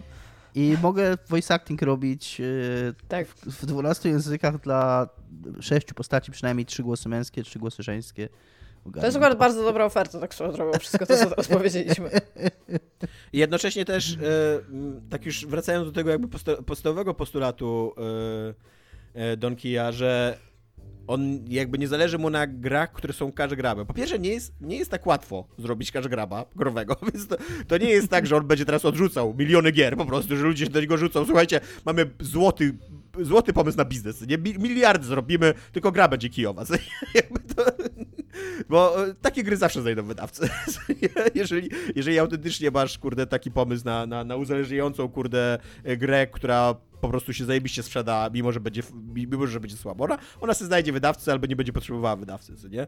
Ale też, ale twórcy gier indie to nie są ludzie, którzy żyją ze sztuki. Jakby w ogóle artyści to nie są ludzie, którzy się żywią, kurde, swoją pracą, e, tylko potrzebują, oni, oni muszą zarabiać tę grę i, i jakby po to, po to jest wydawca w tym procesie, żeby ta gra po wydaniu się dobrze sprzedawała. Jakby, żeby ona była dobrze marketingowana, żeby trafiała do odbiorców, żeby prasa się nią zainteresowała, e, żeby była do, mm, dopracowana pod względem QA właśnie, żeby, żeby, jakby, jakby żeby mieć ten cały, całe, całe takie zaplecze produkcyjne. To dokładnie jakby po tej, po tej wydawcy, nie? I w momencie, kiedy Donki jakby jego, jego podstawowym takim postulatem jest trochę, że nie chce zarabiać pieniędzy, to się zastanawiam, to po co do niego ma taki deweloper? ja, ja bym jednak wolał zarobić pieniądze na swojej grze. Nie, ale masz, masz takich ludzi, jakby na przykład wyobrażam sobie tam mnie. Nie musisz zarobić na grze, ale chcesz dostawać pieniądze jakby od wydawcy, że robisz tą grę. Jeżeli ten wydawca bierze na siebie tylko tyle, że ona się zwróci, tak? I ty nie masz z tego tam zysków, a nie on nie ma z tego zysków, to jakby też uważam, że jest to jakiś model biznesowy. Czy to jest dobry model biznesowy? Najprawdopodobniej dla większości ludzi nie. Ale jeżeli po prostu masz grę w systemie i chcesz ją wyrzucić, jakby czemu nie? Jakby szanuję. No, może tak. Jakby może istnieją tacy, tacy dewowie minimalistyczni. Też wydaje mi się, że, e, że ludzie, którzy, znaczy te studia, które mają tak małe wymagania, tak jak ty Igo mówisz, one już teraz mają pełną ofertę. Jakby, jeżeli pójdziesz do jakiegoś wydawcy i powiesz, że nic, nic od was nie oczekuje poza tym, że tam wrzucicie moją grę na Steam, to, to myślę, że bez problemu znajdziesz wydawcę. Super. E, ale też, jeżeli jakby masz studio deweloperskie, które zatrudnia chociaż jedną osobę, to czujesz się odpowiedzialny za tą osobę. I po skończeniu tak, projektu tak po skończeniu projektu chciałbyś, żeby ta osoba dalej miała pracę, żeby właśnie, żeby był jakiś kolejny projekt i tak dalej, i tak dalej. A do tego są potrzebne pieniądze.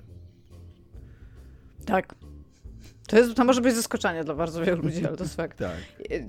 Ja tam mówię, z tego ogłoszenia, tak jak, e, bo to ogłoszenie jest na YouTubce, tak, tak jak Tomek powiedział, i z niego w ogóle bardzo mało wynika, takich prawdziwych rzeczy. Tam jest historia, dlaczego on to robi i tam ja to traktuję jako taki ideową rzecz.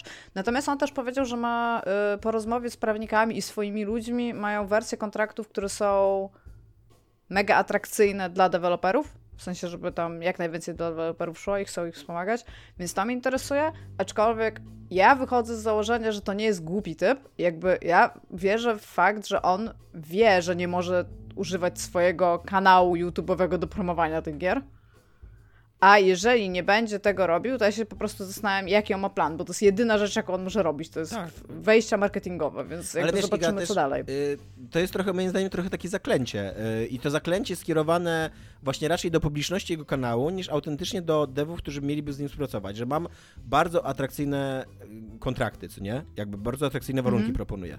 Bo możesz proponować 90% rev share'u w grze, którą robi dev i sam brać tylko 10 i to jest super podział. Ale to nie ma absolutnie żadnego znaczenia, jeżeli twoja gra nie zacznie zarabiać. Jakby to, to, to tak. jest 90% od zera. No, ale ja. Nie wiem, ja chcę zobaczyć, co będzie dalej, tak? To też naprawdę założenie wydawnictwa, stworzenie portfolio, bo to o to chodzi, to są dwie zupełnie inne rzeczy, więc trzeba zobaczyć. Jeżeli mu pójdzie dobrze, to super, mamy kolejnego wydawcę, tak? Mają fajne logo, jest żabą. Uważam, że to jest fajne logo. Ja nie wiem, czy kolejny y wydawca taki właśnie specjalizujący się w grach indie, to jest to, czego potrzebujemy. Raczej bym wolał, żeby ci wydawcy, którzy są teraz, byli lepsi i e, uczciwsi i tak dalej, ale no może tak, może, może przyjdzie Big Mode ze swoimi super kontraktami i odmieni oblicze rynku, tego rynku, co nie? Mm.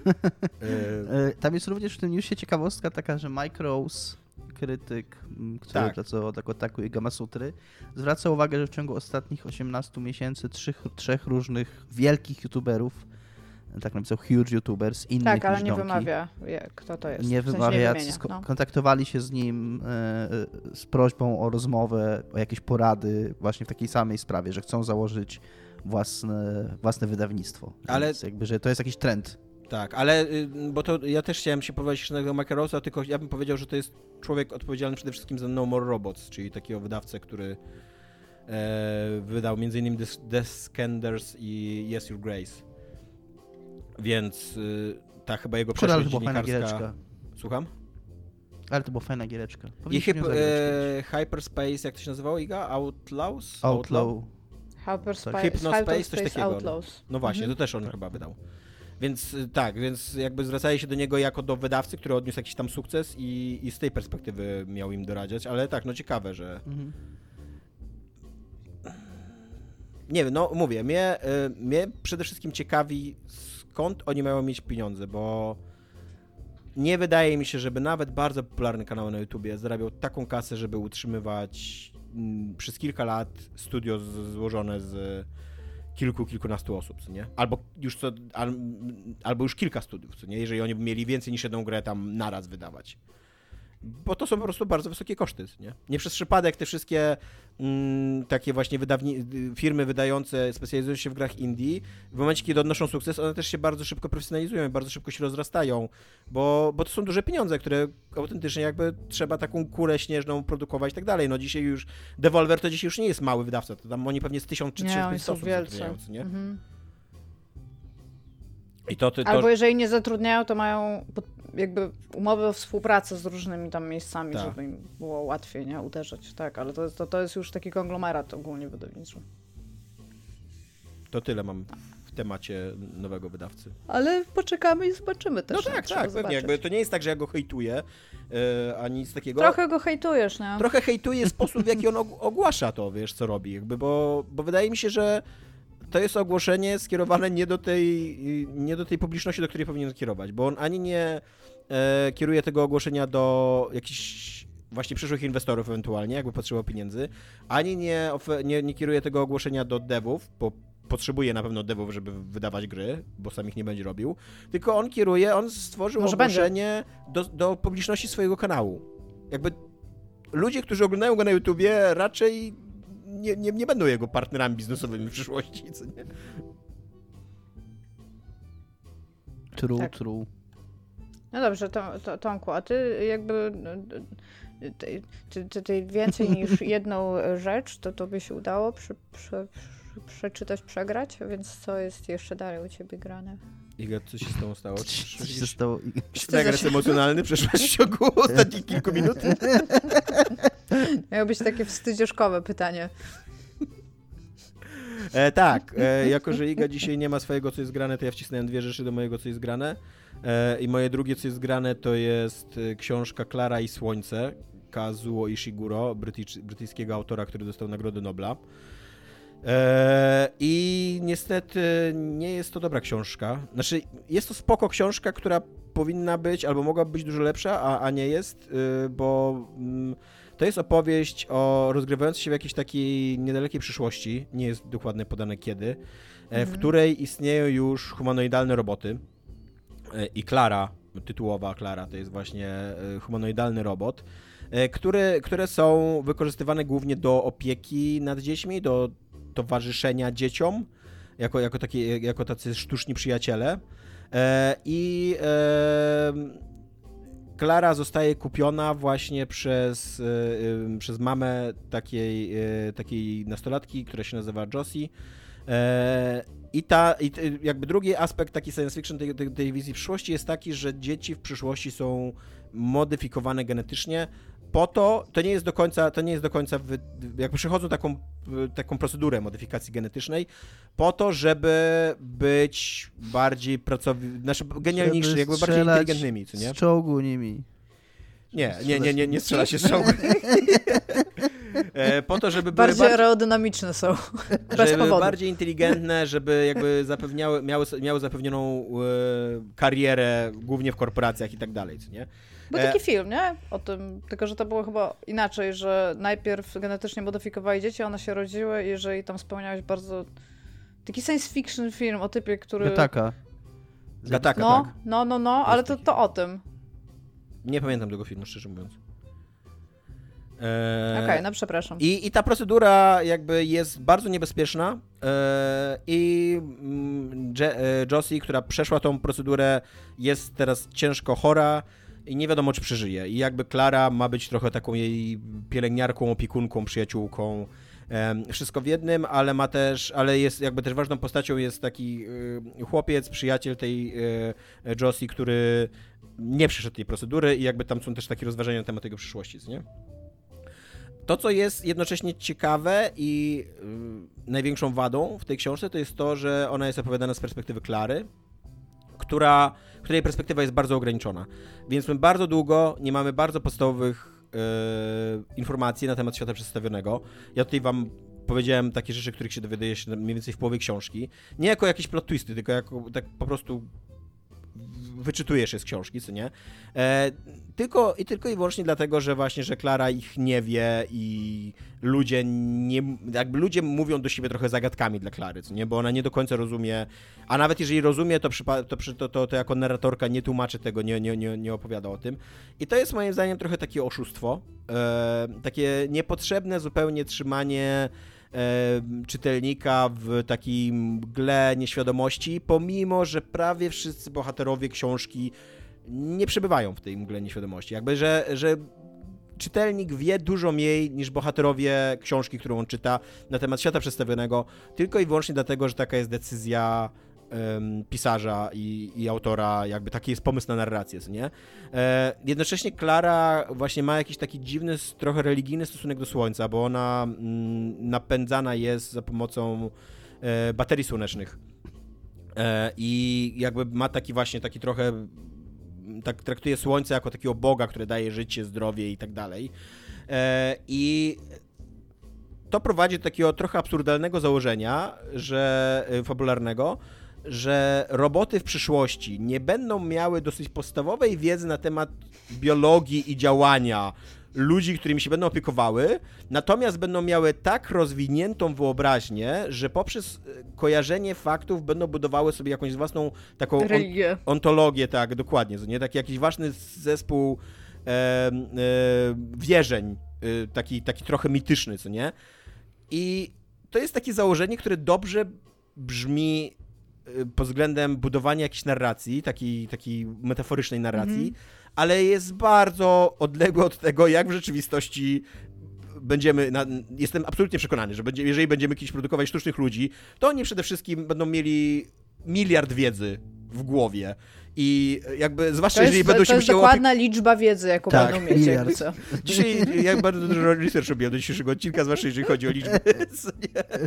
Znaczy, zwłaszcza jeżeli byś kupowała e, robota do opiekowania się dzieckiem, które jest chore, to przede Tak, wszystkim... wolałabym, żeby był super ogarnięty biologiczno-logicznie, Tak. niż żeby tam zastanawiał się, czy Słońce jest Bogiem. Tak, Tak, tak, dokładnie.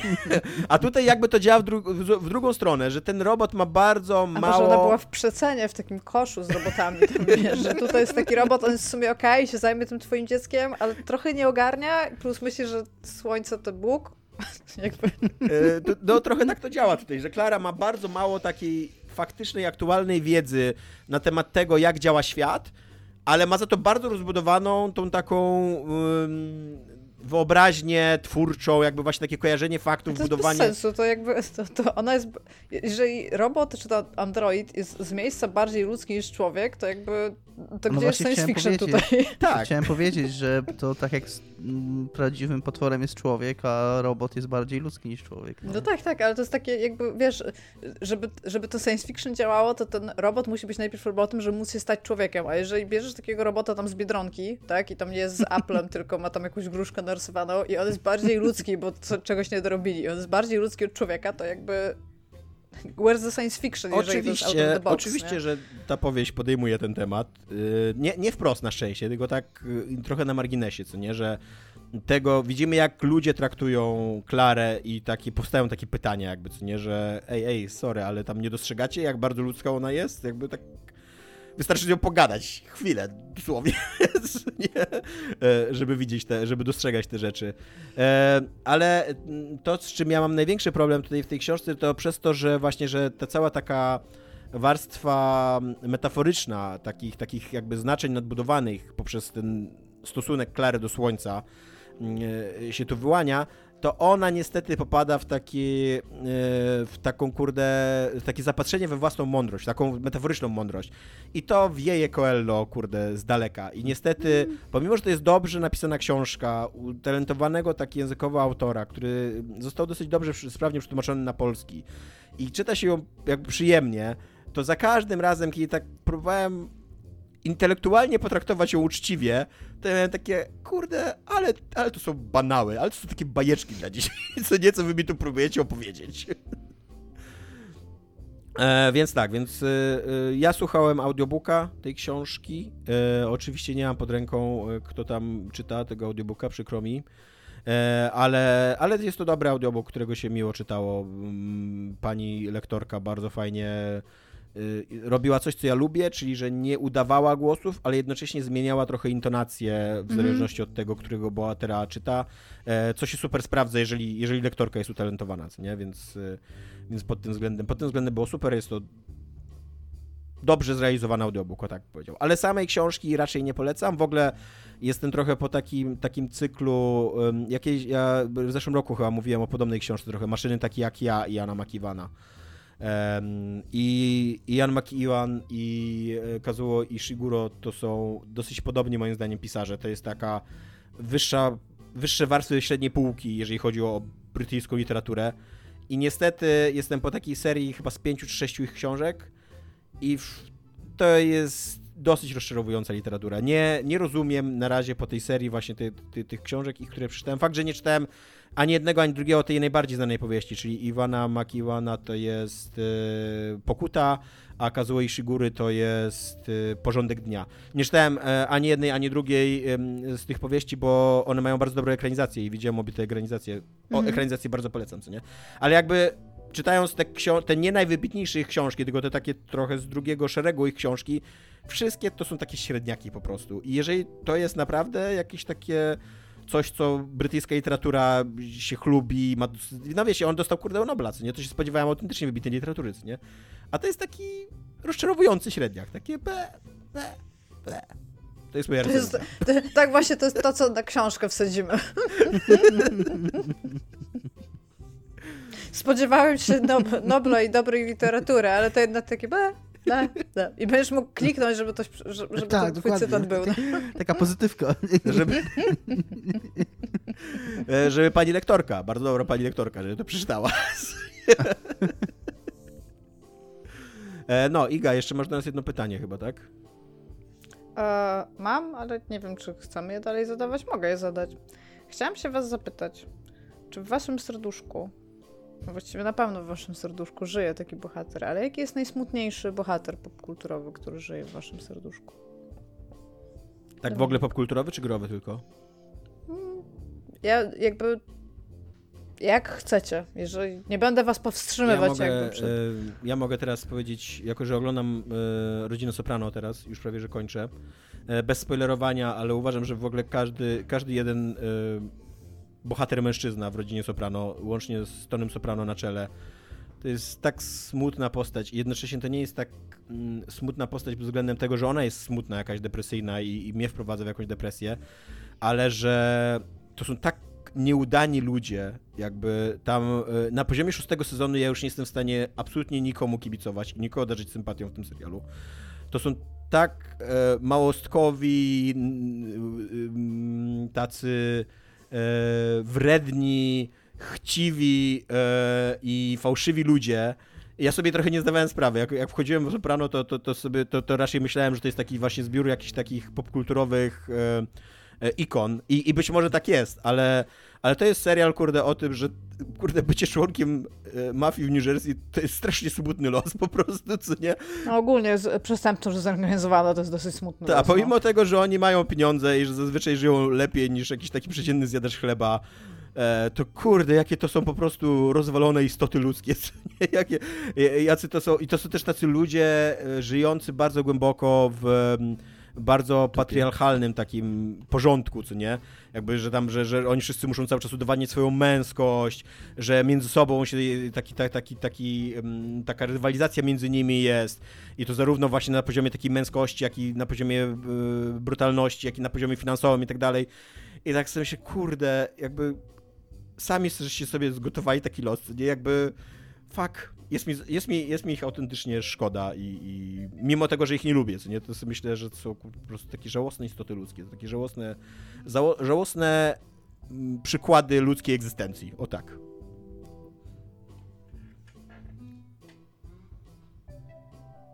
Tak? Ktoś dalej? Coś jeszcze ma pytanie? Czy nie? E, ja nie miałem dużo czasu, żeby zadać to pytanie, więc mam dla was tylko dwa słowa a te słowa to Max Payne. Jezu, dobra, koniec, ko, koniec mówienia swojego. Czy właśnie, czy muszę, czy muszę mówić? Nie, nie, on, on to ma, w, on to, jego imię i nazwisko. Jego imię i nazwisko no. tak, no. tak. Iga? Ja mam tutaj taki, to, to jest popkultura, to jest literatura, uwaga. A pamiętacie malowanego ptaka? Bo ja się zastanawiam bardzo, bardzo długo się zastanawiałam, czy ten chłopiec, który jest głównym bohaterem tej książki, ma imię. I on nie ma imienia Co chyba, pamiętamy? nie? Malowany ptak. A, a Kosińskiego. Tak. Kosińskiego. No, założenie jest takie, że to Kosiński jest tam bohaterem. No tak, tak, ale chodzi mi o to, że on jakby nie, nie zwracają się do niego po imieniu w książce. Ja się, kurde, tak właśnie wczoraj czy przedwczoraj usiadłam i się zastanawiałam, czy ten chłopak ma imię. I tam nie, nie ma imienia. Aczkolwiek cała ta książka, w sensie to jest bardzo smutny bohater, ale ze względu na fakt, że cała ta książka to jest jakiś stadium psychologiczne ludzkiego zła w ogóle tam w milionach odsłon. I tak, no, żyję w moim serduszku, często o tym myślę, co w ogóle, się w ogóle dzieje. Uważam, że trochę zostałem oszukany, bo ja mam legitną odpowiedź na to pytanie, a, a, a, a wasza odpowiedź jedna to jest Holokaust, a druga to Max Payne. Jakby... Znaczy, hol Holokaust to jest tylko jeden z elementów zła, tam tak, ale jest. No tak. Co? Trochę prosiliście na skróty. Dobra, ty, a ten bohater Call of Duty 5, którego się ratuje w epilogu. To on może być, Tomek? Myślę, że każdy bohater Call of Duty jest bardzo smutnym przykładem jakby no, trochę tak. człowieczeństwa. Albo na przykład piłkarzy z FIFA. Czy oni chcą grać ten mecz? Zastanawiałeś się? Nie zastanawiałeś się. Nie, nie zastanawiałem się. No właśnie. E, mamy jeszcze... Iga, ty powinnaś zagrać Iga, ty powinnaś zagrać w tego, w tą gierkę nową w Game Passie, co jest Tiny Kin o tych maciubkach. Ona jest chyba ty. Ty jesteś maciubkiem, w ogóle tak, mnie to tak irytuje, bo to jest dobre tłumaczenie, ale po prostu fakt, Super że ty to powiedziałeś i o tym mówiliśmy kilka razy, mnie tak denerwuje już w ogóle. To, tak jak to, no mieli mi ostatnio, drodzy słuchacze, Dominik ostatnio wysłał mi screena, że gra w grę, gdzie typ może mieć założone dwie pary butów naraz i mnie to tak zdenerwowało. Mnie o też. Gram w Diofield Chronicle, takiego nowego, no takiego trochę budżetowego Fire Emblema y, od To nie jest. Fire Emblem.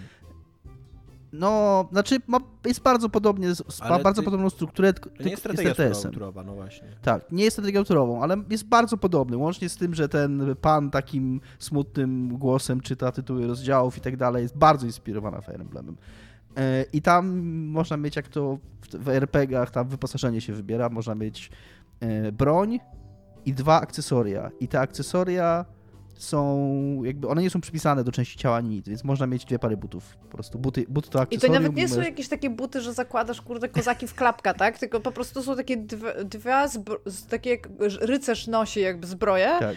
ponad kolana, więc apparently typ nosi dwie pary butów tego typu na obu nogach. A może jakby, drugie tak? nosi na rękach i się transformuje w konia w trakcie walki, tak? No może, może. Nie wiem czemu, jakby o, nikt o tym nie pomyślał. Bo wiadomo, tak że głupie. konie mają dwie pary butów, co nie? Jakby. To, była moja logika. Muszą mieć. No, muszą mieć, no jak inaczej. Hmm. Więc tak. A czy możesz, Dominik, powiedzieć, czy to jest y, y, gra w cyferkach dobra czy zła, czy nie? W jakim sensie? No, czy masz jakieś embargo? 8 na 10. E, nie mam chyba embargo, ale wolałbym, jakby ja ją recenzuję dla CD Action i wolałbym przed e, napisaniem recenzji nie recenzować jej wcześniej publicznie w podcaście. Dobra.